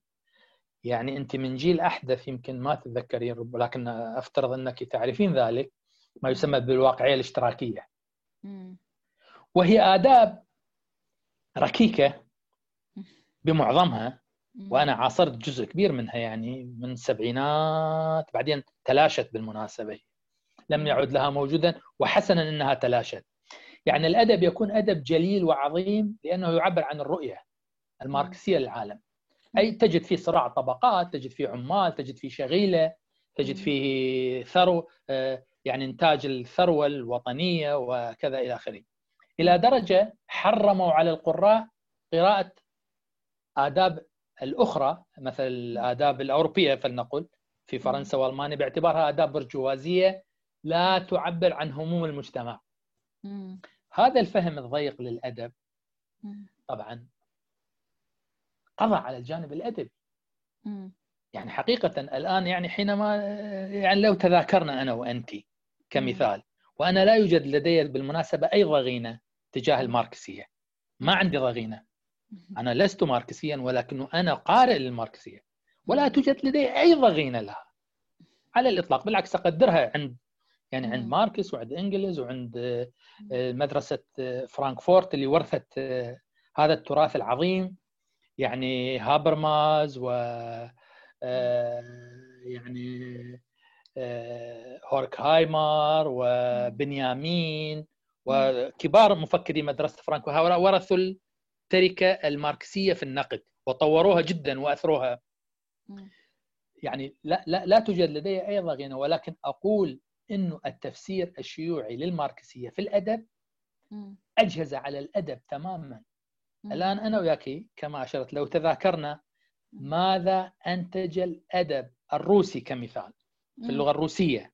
من ثورة أكتوبر 1917 إلى انهيار الاتحاد السوفيتي في سنة 90 يعني خلال حوالي 75 سنة. لا نستطيع أن نذكر شيء من هذا الادب نذكر ثلاث كتاب تمردوا على هذا الأمر ودفعوا ثمن بعضهم. مثل باسترناك في دكتور زيفاكو تمرد على هذا الأمر وأخذ جائزة نوبل. ولكنه كما تعلمين حرم من أخذ الجائزة وتعرض له وتعرض لما تعرض له. سولجنستين هو الآخر جرى نفيه وطرده لأنه كان أمينا لتقاليد الآداب الروسية قبل الثورة. شولوخوف في الدون الهادئ وهو قبل الاثنين هؤلاء يعني في العشرينات والثلاثينات كتب الدون الهادئ وهي تهتدي وتستوحي الآداب الروسية العظيمة عند تولستوي وتورجنيف ودوستوفسكي وبوشكين وحتى تشيكوف. زين؟ ما عدا ذلك هناك آلاف الروايات لا ذكر لها لأنها كان وظيفتها يعني يرغام الكاتب أن يكون أدبه مرآة لواقعه. فقط وظيفته مرآة. يعني مثل ما المرآة لها وظيفة بأن تعكس صورتك وتعكس صورتي فقط ليس لها هاي الوظيفة. نقف صباحا أمام المرآة لتعديل هندامنا قبل الذهاب إلى العمل. ولو أن المرآة لا ترينا يعني صورتنا ما ما اقتنينا مرآة أصلا. ماذا نعمل بالمرآة؟ وظيفتها هي هاي أن نرى فيها نفسنا. طبعا أنا لا لا أحب المرآة ولا أتمرأة يعني آه، لأنه المبالغة في التمرئي أو المرآة يعني هي هي نوع من النرجسية. آه، واعتبار الأدب مرآة يعني بالضبط كما نقتني مرآة لرؤية أنفسنا بها فقط. ولا نرى في هذه المرآة إلا أنفسنا. وأحيانا لا نقبل حتى آخر يتمرأ بها. اذا المنهج النفسي لا يرى في الأدب إلا مجموعة من العاهات والأمراض والمكبوتات والمخبوءات وعقد الطفولة وعقده اوديب وغيرها. المنهج الواقعي الاشتراكي لا يرى في الأدب إلا مرآة. المنهج مثلا البنيوي كمثال. وهو منهج مهم جدا ولكنه قطع الأدب عن وظيفته وحوله إلى مجموعة ألاعيب لغوية وبلاغية لا تؤدي وظيفتها المجتمعية. ولهذا يعني أيضا سرعان ما انطفأت كما تعلمين. يعني مع منذ ثمانينات القرن الماضي انطفأت البنيوية. لأنها لا تستطيع أن تغذي نفسها بالاستمرارية والديمومة. كما انطفأ المنهج النفسي وكما انطفأ منهج الواقعية الاشتراكية. هذه الطرائق أو المناهج الأدبية. أنا أقول إنه بدون رؤية للناقد أن تكون للناقد رؤية خصبة متنوعة ومتحولة ومتجددة. يعني لا تستقر على يقين نهائي لأنه لا يوجد شيء ثابت وراسخ في التاريخ كما بدأنا كلامنا من أول الحوار. هناك سيرورة. هذه الرؤية المتجددة هي التي تجهز الناقد بإمكانية الانفتاح وليس الانغلاق. وطبعا آه، يعني إحنا العرب يعني في العالم العربي لا نتكلم أي هذا التكوين التكوين المهجن الذي ظهر بعد الحرب العالمية الأولى. استعرنا معظم هذه الأشياء. بالمناسبة هذه المناهج وغيرها يعني أنا ذكرت ثلاثة أمثلة ثلاث مناهج. هذه وقع استعارتها بطريقة أعمت بصرنا وبصيرتنا. أنا لست ضد الإفادة والانتفاع والتأثر الإيجابي بأفكار الآخرين ولكن أنا ضد المسخ والسلخ والاستعارة العمياء. يعني أنا حتى أكون ناقد بنيوي لابد أن أنقل يعني رولان بارت وجيرار جينيت وغريماس وتودروف وأنطقهم وأقولهم يعني بالقوة على آداب يعني لا علاقة لها بهم يعني. ولهذا انظري كيف يعني كيف النقد عندنا انقطع عن صلته بالأدب لأنه معظم نقادنا وأنا أكون لهم الاحترام وهم زملائي وبعضهم أنا درستهم وبعضهم درسوني وبعضهم زملاء نحن في المؤتمرات وفي الكتب وغيرها. يعني أن نوقف موضوع الاستعارة هذه القائمة على السلخ والأخذ واحتذاء يعني الحافر على الحافر كما يقول القدماء أجدادنا. وضع الحافر على الحافر؟ وننتفع مما تثيره هذه المناهج من أسئلة ونضع أسئلتنا ونضع أجوبتنا. يعني واحدة من مؤاخذاتي الكبرى مثلا على الدراسات السردية. وانت تعرفين أنا معني بهذا الحقل الدراسي وكل مؤلفاتي تصب فيه. هي استعارة النموذج الفرنسي وقسره قسر النصوص العربية الروائية للاستجابة لهذا المنهج. طبعا. ماذا تأدى عن ذلك؟ لدينا هذا صار حوالي 40 سنة من هذا الوقت اللي نتكلم فيه مضى عليه 40 سنة. وعشرات النقاد يلوكون هذا الأمر. ماذا يعني؟ ما هل أثري أدبنا؟ هل تفتح أدبنا؟ هل صارت لدينا خبرة عن آدابنا السردية أفضل مما كانت لدينا من قبل؟ كل ما هنالك يعني وقع. يعني وقع. أخذ معطيات كتاب Narrative Discourse خطاب السرد لجيرار جينيت. وتطبيقه بالقوة في في الجامعات ومراكز البحوث ومختبرات السرد. وأنا دائما أقول لهم يا أخي كتاب جيرار جينيت Narrative Discourse كتاب مهم جدا. هو أطروحة جيرار جينيت على رواية البحث عن الزمن الضائع لبروست. هذا الكتاب استخرج النظام السردي لرواية البحث عن الزمن الضائع.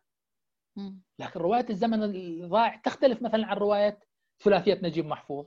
أنا لا أستطيع أن أطبق ما استخلصه جيرار جينيت من رواية بروست بحذافيره على رواية نجيب محفوظ أو الطيب صالح أو عبد الرحمن منيف أو سواه وإلا لابد أن أبدأ أقطع وكل ما لا ينسجم مع ما قال به جينيت مهتديا ببروست أعتبره ليس سردا وخارج إطار العملية الكتابية. هذا هذا هذا واحدة من المؤاخذات الكبرى اللي أنا طبعا يعني توجست منها ونقدتها وما أخذت بها على الإطلاق وما قبلت بها ولا أوصي بها. من الضروري غربلة الأشياء وإقامة علاقة نقدية سوية قائمة على التفاعل وليس على التصاغر. ولكن طبعا أنا أيضا لا يغيب عن بالي أنه نحن بشكل عام صرنا أمة تابعة وثقافة تابعة. وكما يقول ابن خلدون في مقدمته المغلوب يقلد الغالب. نحن مغلوبون طبعا نقلد الغالب والخطاب الاستعماري أرغمنا على تطبيقات يعني الخطاب الاستعماري مدعوم بالقوة الاستعمارية. مثل ما الاستعمار قوي بأسلحته وإعلامه أيضا خطابه قوي. وعلى هذا علينا ان نتحسب من المناهج. هذا بالنسبة للمناهج. أما بالنسبة للجزء الثاني من سؤالك حول النظرية النقدية. أنا يعني وأعوذ بالله من تكرار كلمة أنا لأنه الحديث أحيانا يستدعي ذلك. لا أجد موجبا يعني ايا كان ايا كانت الذريعة. إلى الدعوة لوجود نظرية عربية أو غير عربية. لأن النظرية يا سيدتي كالمربع المغلق. أضع نفسي فيه وأغلقه علي. وأختنق داخله. على العكس من ذلك يعني أنا من أشد الداعين إلى أن يعمق الناقد وعيه بالأدب ويطور خبرته في ممارسة تحليل الأدب. الوعي بالأدب ووظيفة الأدب ومعرفة مقومات الأدب من لغة وخيال وجمال وابلاغ وافصاح عن العالم الذي يتولاه الكاتب هو أفضل طريقة لأن النقد يلتصق بالأدب ويفيد الأدب. أما حبس الأدب في مربع فهو قتل الأدب. إخضاع الأدب لمنهج جاهز منهج قد يجوز منهج مهم جدا لكنه لا يوافق هذا الأدب. يعني لا يوافق هذا الأدب لأنه لأنه اشتق من أدب يختلف. فنحن لا يوجد لدينا شك بقيمة هذا المنهج. يعني أنا لا يوجد لدي على الإطلاق شك بقيمة المنهج النفسي أو المنهج البنيوي كمثال أو التفكيك أو القراءة والتلقي أو المناهج السيميولوجية. لا يوجد لدي يعني لا انتقص من قيمة هذه المناهج. إنما انتقص من نقلها بقضها وقضيضها من سياقها الثقافي الذي أثمرت فيه بشكل جيد. ونافع لآداب مجتمعاته وأنقله إلى سياق ثقافي وأطبقه تطبيقا يعني بالقوة على نصوص لا تتوافق معه. جميل. وعلى هذا الغرار يعني حينما نتكلم عن المناهج والنظريات ينبغي أن نعي خطورة ذلك. يعني حينما الآن أنا لو قلت أنه ضروري تكون هناك نظرية نقدية عربية ربما بعض المستمعين أو الهواة أو الناشئ يقول لك نعم هذا هو الصحيح. لابد أن ننادي بنظرية عربية في النقد. طيب ما هي هذه النظرية؟ حتى لو كانت هذه النظرية تذهب الأدب إلى النعيم. ستنتهي أيضا بعد فترة لأنها مغلقة. البديل للنظرية والمنهج هي تطوير رؤية حية. ووعي للكاتب للناقد يعني بأهمية ووظيفة الظاهرة الأدبية. جميل. تفضلي إيه، جميل. هنا أرجع إلى علاقة الفنون والمنتجات الإبداعية ببعضها. هذا الشيء نلاحظ بعد اللي عندنا إحنا كتشكيليين. آه، أحيانا ننسى أن الفنون الفنون الأوروبية هي عبارة عن التراث الأوروبي يعني هو تراثهم تاريخهم الفني. فأن إحنا نجيب النظريات الفنية عندنا ونصيغ فن بما يتناسب مع شيء خارج بيئتنا حتى المواد وكل شيء يعني لصناعة الفن نفسه مختلف تماما. رؤيتنا حتى طريقة فهمنا للون شيء مختلف. ونحاول نطبق نظريات اللي جاية من تراث مختلف تماما على فنون تقريبا هي نفس الإشكالية. هنا دكتور اللي هي ملاحظتك أن هذا اللي هي النظريات النقدية عبارة عن صندوق وأن فهم الظاهرة الأدبية نفسها وفهم الناقد للأدب نفسه هو الأهم. فالإنتاج الأدبي هو هو المغزى من عملية النقد يعني هو تحسين اللي هي الإنتاج الأدبي أو أو الرواية كنا قاعدين نتكلم عن الرواية. هنا أجي دكتور إلى أزمة ثانية اللي هي أزمة المصطلحات وكثرتها. سواء مصطلحات إحنا استعرناها من الخارج وجايين نغصبها. يعني من ثقافة ثانية نغصبها عندنا زي ما أنت تفضلت. أو اشتقاق مصطلحات جديدة في التماهي مع المصطلحات الثقافات الأخرى أو ثقافة أو مصطلحات قديمة وإعطائها معاني جديدة وتحميلها أشياء جديدة يعني إيش رأيك دكتورنا في أزمة المصطلحات؟ يعني بدءا المصطلح مهم جدا في أي أكيد. يعني ممارسة منهجية في النقد لأنه المصطلح الذي له مفهوم محدد في تقديري هو مثل يعني أرجل العملية النقدية. لا يقوم نقد إلا بمجموعة من المفاهيم الدقيقة الواضحة التي يتكئ عليها المنهج النقدي لكي يحقق الغاية أو الغرض الذي يعني من أجله ظهر هذا المنهج. ولهذا المصطلح مهم جدا. يبدأ الخطر حينما نسلخ المنه المصطلح عن سياقه. ونحاول أن يعني نتلاعب به. وفي غير المحل الذي وضع لأجله. وسحبه من حقل وتطبيقه بح ونقله إلى حقل يعني ثاني دون مراعاة قبول الحقل الجديد له من عدمه. مشكلتنا مع المصطلحات يعني مشكلة عويصة جدا. يعني أنا لا أدري إن كان من المناسب أن أن أقف لك فقط على مصطلح واحد. لأن هناك ترى مئات المصطلحات ينطبق عليها يعني ما سأقوله. مثلا مصطلح ناراتولوجي وهو المصطلح العمدة لأنه يندرج أو يحتوي أو يعرف بمنهج الدراسات السردية في تحليل نصوص الأدب السردي بشكل عام كائنا ما كانت أنواع هذا الأدب يعني. هذا المصطلح اشتق في الستينيات من قبل تودوروف تزفتيان تودوروف ناراتولوجي. أي يعني إذا أردنا أن نترجمه ترجمة حرفية علم السرد. هذا المصطلح. والمصطلحات الأخرى النظيرة له التي ظهرت آنذاك خضعت لمفاهيم علم اللغة التي ظهرت عند دوسوسير وسواه. وافترض أنه هناك لغة وهناك كلام. وأن اللغة نظام ثابت. وأن الكلام الذي نتكلمه أنا وأنت الآن هو الجانب التنفيذي من اللغة. ومن ثم الأدب له بنية عميقة جدا مثل بناء اللغة. وأن النصوص الأدبية هي تجليات للأدب مثل ما أن الكلام هو تجلي للغة. وعليه فإن النقد ينبغي أن يذهب إلى استكشاف البنى العميقة الموجهة للنصوص الأدبية.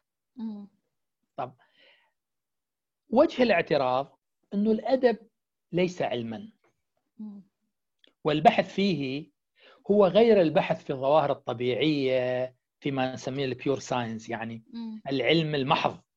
يعني يعني القصة أو الخرافة الحكاية الخرافية أو الملحمة أو القصيدة يعني هي ليست موضوعا للبحث المختبري. كالرياضيات والهندسة وال high technology والطب والفلك والى آخره. هذه المقايسة ان نقيس هذا بهذا هذا أول يعني أول مظاهر الخطر. لأن نحن أمام ظاهرة تتغير وتتجدد وتتنوع وفيها تخيل كما أشرنا من قبل يعني متواصل لا يعرف الثبات على الإطلاق. وحتى الأعراف التي يعني يعني يهتدي بها هي أعراف تتغير. يعني بين عصر وعصر. يعني أعراف الملحمة هي غير أعراف الرواية. أنا لا يمكن أن أقول انه والله تعال يا كاتب الرواية روح روح اهتدي بأعراف الملحمة. الملحمة وأعرافها انقرضت. وبعد قرنين ثلاث ربما الرواية وأعرافها تنقرض يعني. وعليه يعني الظاهره الأدبية النظر لها على إنها موضوع لعلم. يعني هو طبعا وقع الاحتيال على أنه علم إنساني وليس علم يعني محض. يعني هو مظهر الخطر. ولهذا أنا منذ الثمانينات يعني حينما وجهت بهذا السؤال وأنا عدت رحت الدكتوراه مالتي بعنوان السردية العربية قلت واقترحت وثبتت هذا في مقدمة الكتاب. إنه هذا المدخل للدراسات نصطلح عليه بالسردية. وليس بعلم السرد. لأنه السردية في اللغة العربية هي مصدر صناعي من السرد وهي تفيد الوصف والتسمية في آن واحد. إذا أردنا أن نصف هذه الممارسة في التحليل نقول عنها سردية. إذا أردنا أن نجري تحليلا آه، يعني نقديا موسعا لبنيات هذه النصوص أيضا ننتفع منها بذلك. وخلال هذه الفترة خلال 30 سنة أو 40 سنة ظهرت السرديات. المصطلح نفسه ظهرت السرديات الكلاسيكية. ظهرت مصطلح السردلوجيا ظهر علم القصة ظهر علم الرواية ظهر يعني صرنا نهبا لمصطلحات كثيرة. يعني القارئ متلقي يعني ضاع بين بين الدلالات. هذا ناهيك عن إنه المصطلح مسخ مما ينطوي عليه من مقصد ومعنى وغاية وهدف. وعليه يعني أول ما ينبغي على الناقد أن يتحسب له. تحسب يعني يعطيه أول اهتمام الدلالة الدقيقة للمصطلح. واحترام حدود المصطلح. وتكييف المصطلح للغاية التي يريدها وإثراء المصطلح بالجديد. حتى ما المصطلح يتحول إلى قيد. يعني يصبح المصطلح دافعا وحافزا للتحليل وليس قيدا. يعني ما قيمة ما قيمة أنا الآن لا أرى بوتشيلي ولا أرى مايكل أنجلو ولا أرى دافنشي ولا أرى ديلاكروا إلا ضمن يعني ضمن قوانين ضيقة جدا عن الفنون الكلاسيكية يعني وتمثيلاتها الدقيقة المباشرة. إنما أنا أريد إنه يعني إنه يعني أنتفع و وأستمتع لأنه فائدة الأدب والأدب هي والفنون هي ليست الانتفاع بمعنى يعني المنفعة. الفائدة المقترنة بالمتعة. يعني أنا حينما أزور مثلا يعني متحف مثلا اللوفر أو البرادو في مدريد أو متحف الفاتيكان في الفاتيكان أو بو أو آه، أوفيتزي في في في فلورنسا على سبيل المثال. وأنا طفت بهذه المتاحف كلها. وأرى جماليات الفنون الكلاسيكية حيث الجسد الإنساني وكان في معظمه جسدا جميلا يراعي معايير الجمال الرومانية بالمنحوتات والفنون التشكيلية. والتمثيل فيه في هذه الفنون يكاد يكاد أنا لا أقول يعني يتطابق يكاد يقارب. يعني شكل الجسد الإنساني يكاد يقارب شكل الإنسان. يعني على على نقيض المدارس التعبيرية والدادائية والسوريالية والتعبيرية التي ظهرت في نهاية القرن التاسع عشر عند مونيه وكوخ وغيرهم. آه، أستمتع جدا. لأنه لأنه الفنون يعني تعطيك صورة لجماليات ذاك العصر. ولكن لو لو وضعت كمتلقي. ضمن قواعد مقننة منهجية ضمن مصطلحات دقيقة جدا عن التشريح. تشريح الجسد وتشريح اللون وخلط اللون ستفسد عندي المتعة وربما لن أنتفع. صحيح. طبعا أنا لا لا يغيب عني ما دمنا م. تعرضنا للفنون. إنه إلى تقريبا القرن السابع عشر. م. كما تعلمين وانت فنانة إنه هذه النماذج الكلاسيكية العظيمة. الموجودة في المتاحف. يعني في في المتاحف والقصور والكنائس كانت تهتدي بموضوعات مستعارة من الكتاب المقدس. ذات موضوعات دينية يعني. حتى إنه الواقع تقريبا يغيب. واستبدادها وكثرتها هي التي أدت طبعا في النهاية إلى اختناقها وظهور المدارس التي تعبر عن التعبير عن الموضوع. يعني كيف أنا أفهم الموضوع لكي أعبر عنه؟ ولا أستنسخه. إذا سواء كان الأمر بالفنون أو الفنون يعني التشكيلية أو الشعر أو السرد أو حتى فن السينما والموسيقى الخضوع لنماذج ولمصطلحات مقننة جدا. تقيد إمكانية تلقي الآداب والفنون وتعثر علاقتنا بها وتعطل استمتاعنا بها وتعيق إفادتنا منها. أنا أجد إنه المصطلح هنا أصبح حاجزا بيني وبين ما أريد. وعلى هذا ينبغي أن هذه المفاهيم تفتح مغاليقها ويعاد تكييفها وتصبح مثل التورتش يعني مثل المصباح اليدوي أضيء به مجاهيل النص. وليس يعني قفلا أقفل عليه النص أو اللوحة الفنية وأغلقها وأرمي هذا المفتاح أما في في صحراء نجد أو في أعماق البحار. والحقيقة ما زلنا نحن لدينا مشكلة يعني عويصة في قصة المصطلح. وأتمنى فعلا أن يعاد غربلة المصطلحات ونزيل ما لا ننتفع ونستمتع يعني به في علاقتنا بالأدب. ولا بأس من أن نقترح. مصطلح شرط أن يأتي هذا المصطلح من لب ومن باطن الظاهرة الأدبية والفنية وليس دخيلا عليها من الخارج. لأنه قد يجوز هذا المفتاح. إذا اعتبرنا إنه اعتبرنا إنه المصطلح مفتاح ربما هذا المفتاح وفي الغالب وفي الغالب إنه هذا المفتاح قد لا يفتح هذا القفل. ولهذا لابد أن أن نأتي لهذه القفل الأقفال الموجودة في الظواهر الأدبية الفنيه مفاتيح مناسبة لها. جميل. نعم هو دكتور في الدراسات اللي هي الطبيعية أو العلوم آه، ميزة العلوم واللي يخليها تتطور إنها قابلة إنها قابلة للتغيير قابلة للتقبل الجديد يعني وإذا في شيء ما يشتغل ما نرميه نشغله في المكان اللي يشتغل فيه ونخترع شيء جديد يفك لنا الأشياء الجديدة. هذه ميزة العلوم الطبيعية عن العلوم الإنسانية. وفي بعض العلماء العلماء وصل فيهم الغرور اللي هم العلماء الفيزيائيين يعني الأقرب أنه يعني من كثر ما العلوم الإنسانية شوية يعني فيها هذه أزمة المصطلحات.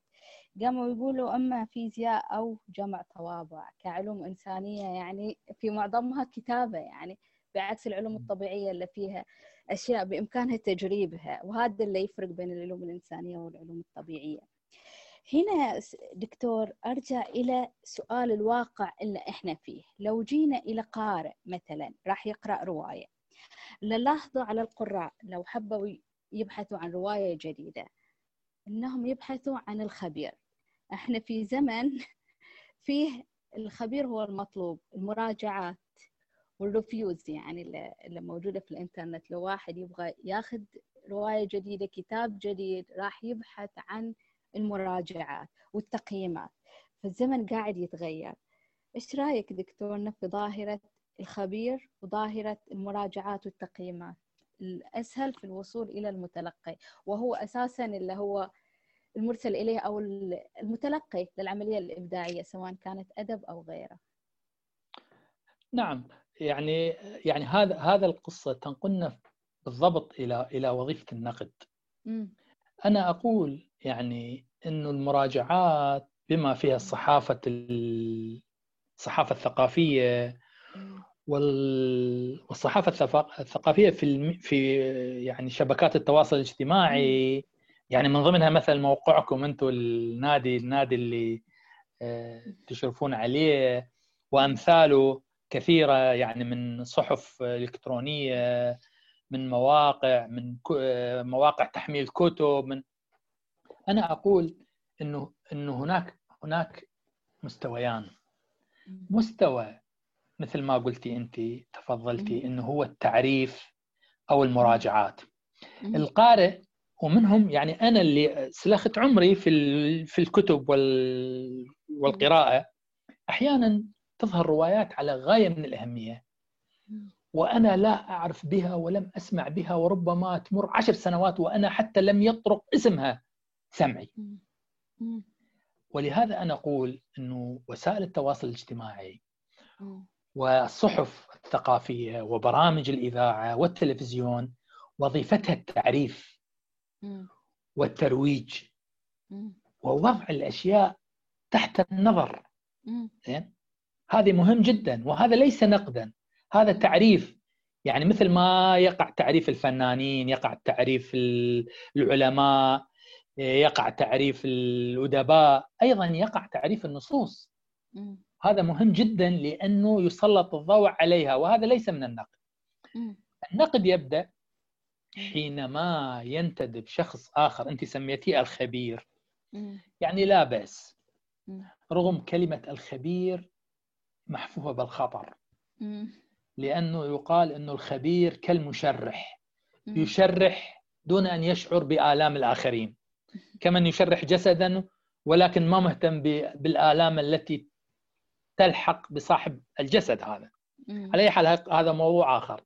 لكنه لكن وظيفة الخبير أو الناقد المتخصص تبدأ بعد مرحلة هذه المراجعات والتعريفات حيث يخضع النص الأدبي لتحليل. يعني فيه درجة عالية من الكفاية والوفاء بمقتضيات هذا النص. يعني ما ماذا يقترح هذا النص على هذا الناقد؟ وماذا يمكن لهذا الناقد من استنباط واستخراج يعني جماليات وأفكار ومغازي ومقاصد من هذا النص. ولهذا الناقد هو المرشح لأن يحمل النص الأدبي ويضعه في تاريخ في في تيار تاريخ الأدب. جميل. أي في نهر الأدب اللي تكلمنا عنه في فيما فيما مضى. أما المراجع أو الذي يكتب مراجعة في الصحافة عن كتاب هذا هو الذي يضع يضع النص تحت نظر عموم الناس من أجل أن يتلقوه ويقرؤوه لأنه بصراحة دور نشر كثيرة. ودولنا يعني دولنا يعني لا نكاد نعرف ماذا يدور بهذه وتلك من فنون وآداب و... بشق الأنفس أحيانا حتى حتى حتى نعرف ماذا يدور فيها. وكل دولة حبست مواطنيها وجعلت هذا أدب عراقي وهذا أدب سوري وكأنه الأدب العراقي هو خاص بالعراقيين والأدب المصري خاص بالمصريين والسوري خاص بالسوريين والسعودي خاص بالسعوديين. وظهرت الروايه السعودية والعراقية والسورية والتونسية. هذه مهازل. يعني ينبغي على الكتاب والمعنيين أن يتبرؤوا منها. لأن يعني هاي الظواهر تعبر عن مجموع ما لدينا من خيالات. إحنا كناس نتكلم العربية ونكتب بها وننتمي إليها ونتخيل بها.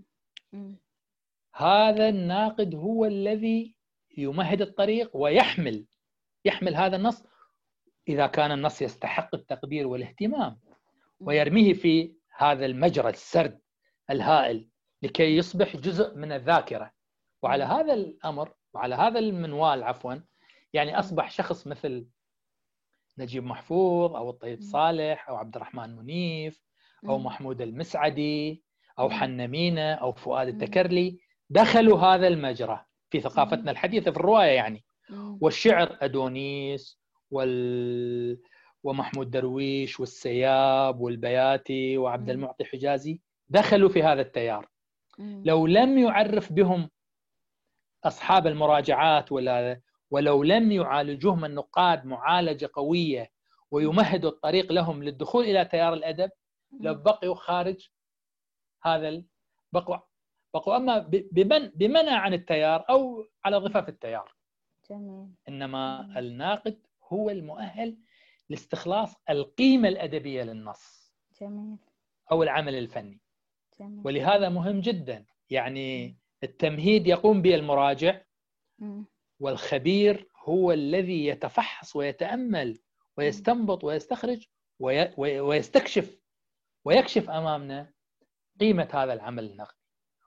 وأنا أتمنى هاي المرة الثانية أتمنى وأنا تمنيت من قبل كثيرا أن النقد العربي يحترم هذه الوظيفة ويراعيها ولا يتهرب منها ويعد نفسه لها لأنها وظيفة جليلة تشكل يعني تشكل جزء كبير من الأدب القومي في اللغة العربية القومي بالمعنى الأدب القومي الثقافي العربي. جميل جميل. يعني دكتور إحنا مح... لازلنا محتاجين للأدب ولازلنا محتاجين للناقد علشان الناقد في مكانه يعني الحقيقي يعني ومكانته الحقيقية. وناقد ذو رؤية حقيقية يقدر يطور لنا. اللي هي الأدب والعملية اللي هي شو اسمه الحوار الأدبي والنقدي ويفيد اللي هي حراكنا الأدبي والثقافي. تعبناك معنا دكتور اليوم.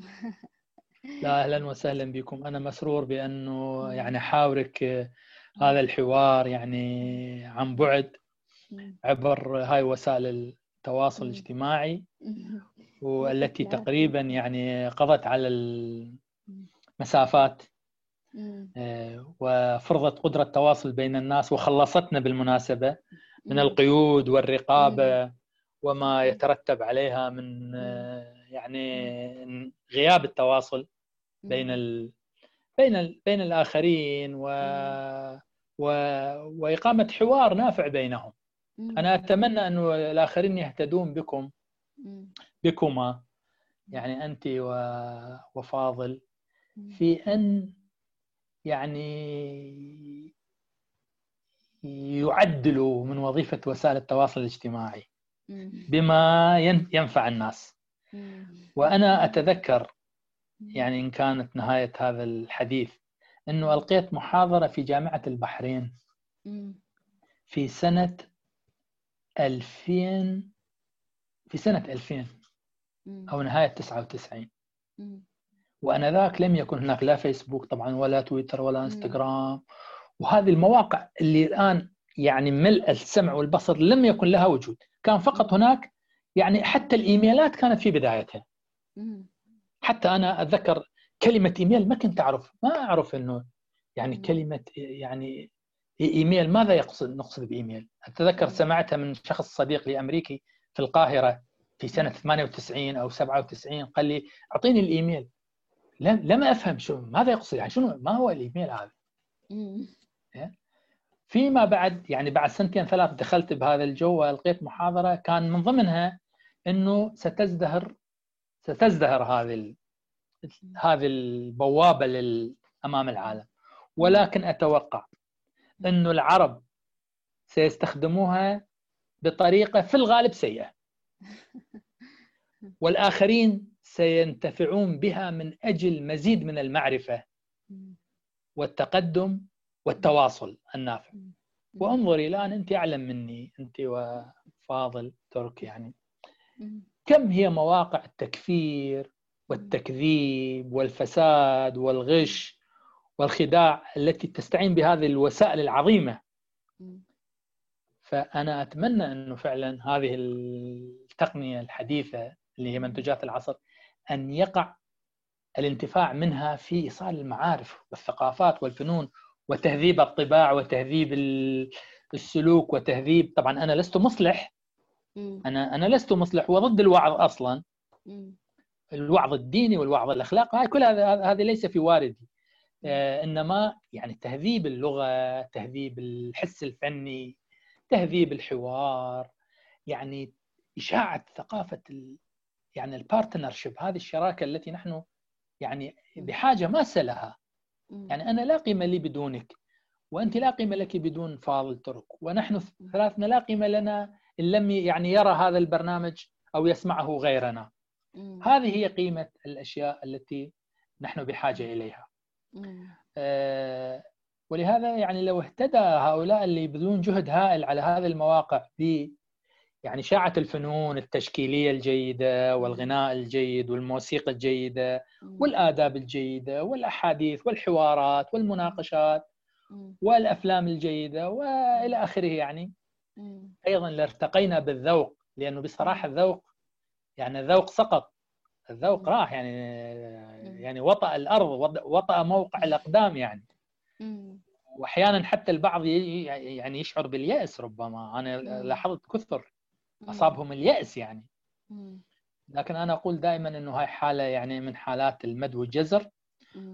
واجلا أم عاجلا يعني سننتشل أنفسنا من هذا المستنقعات الآسنة يعني إلى ذرى الكلمة يعني الكلمة الرفيعة والذوق الرفيع والفنون الرفيعة. والعلاقات المتوازية والمتكافئة التي تتيح لنا التواصل آه، والشعور بإنسانيتنا في عالم يعني لا خيار له إلا أن يتواصل ويتفاعل ويتثاقف فيما بينه. جميل.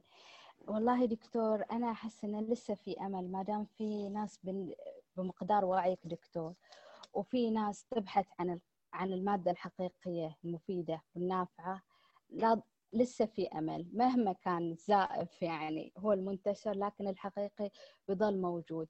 والإنسان اللي يبغى يوصل إلى الحقيقي راح يوصل له. وبجهودكم دكتور والناس الواعيين اللي مثلكم راح نوصل إن شاء الله إلى شريحة واعية وفاهمة وهي راح تستلم منا إن شاء الله يعني بقية المشوار. في نهاية اللقاء دكتور أحب أشكرك جدا على الوقت اللي عطيتنا إياه وعلى كل الكم المعرفة اللي عطيتنا إياه. شاكرة لك وجودك معنا في في البودكاست. وقبل لا نختم دكتور أبغى منك مقطوعة كذا جميلة نختم فيها الحوار. أنا بدوري أشكرك يعني ست زينب وأشكر السيد الأستاذ فاضل على يعني اختياركم لي للحديث. ويعني هي أشبه بالدردشة حول هذه الأمور. وأنا إذا كان لي أن أختار يعني نموذج يعني من الموسيقى فالحقيقة عالم الموسيقى عالم كبير جدا. ويمكن يعني يمكن من بين ما يعني يقع علي اختياري يعني لو تكرمت يعني بوضع موسيقى نينوى. يعني أو جزء بسيط منها لأنها هي طويلة يعني. يعني دقائق منها فأكون شاكر وربما تكون هذه الموسيقى مناسبة عن يعني هذا هذه الأفكار التي أحيانا تجمجم داخلي و ولا تقبل أن أتكتم عليها وينبغي أن أظهرها. وهو يذكرني أيضا بهياج بهياج أو هيجان الإيقاع الموجود في موسيقى آه، نينوى. جميل جميل دكتور. شكرا لك دكتور شرفتنا شكرا لك. ويعطيك العافية. شكرا لكم وبارك شكرا. الله فيكم. شكرا لك دكتور.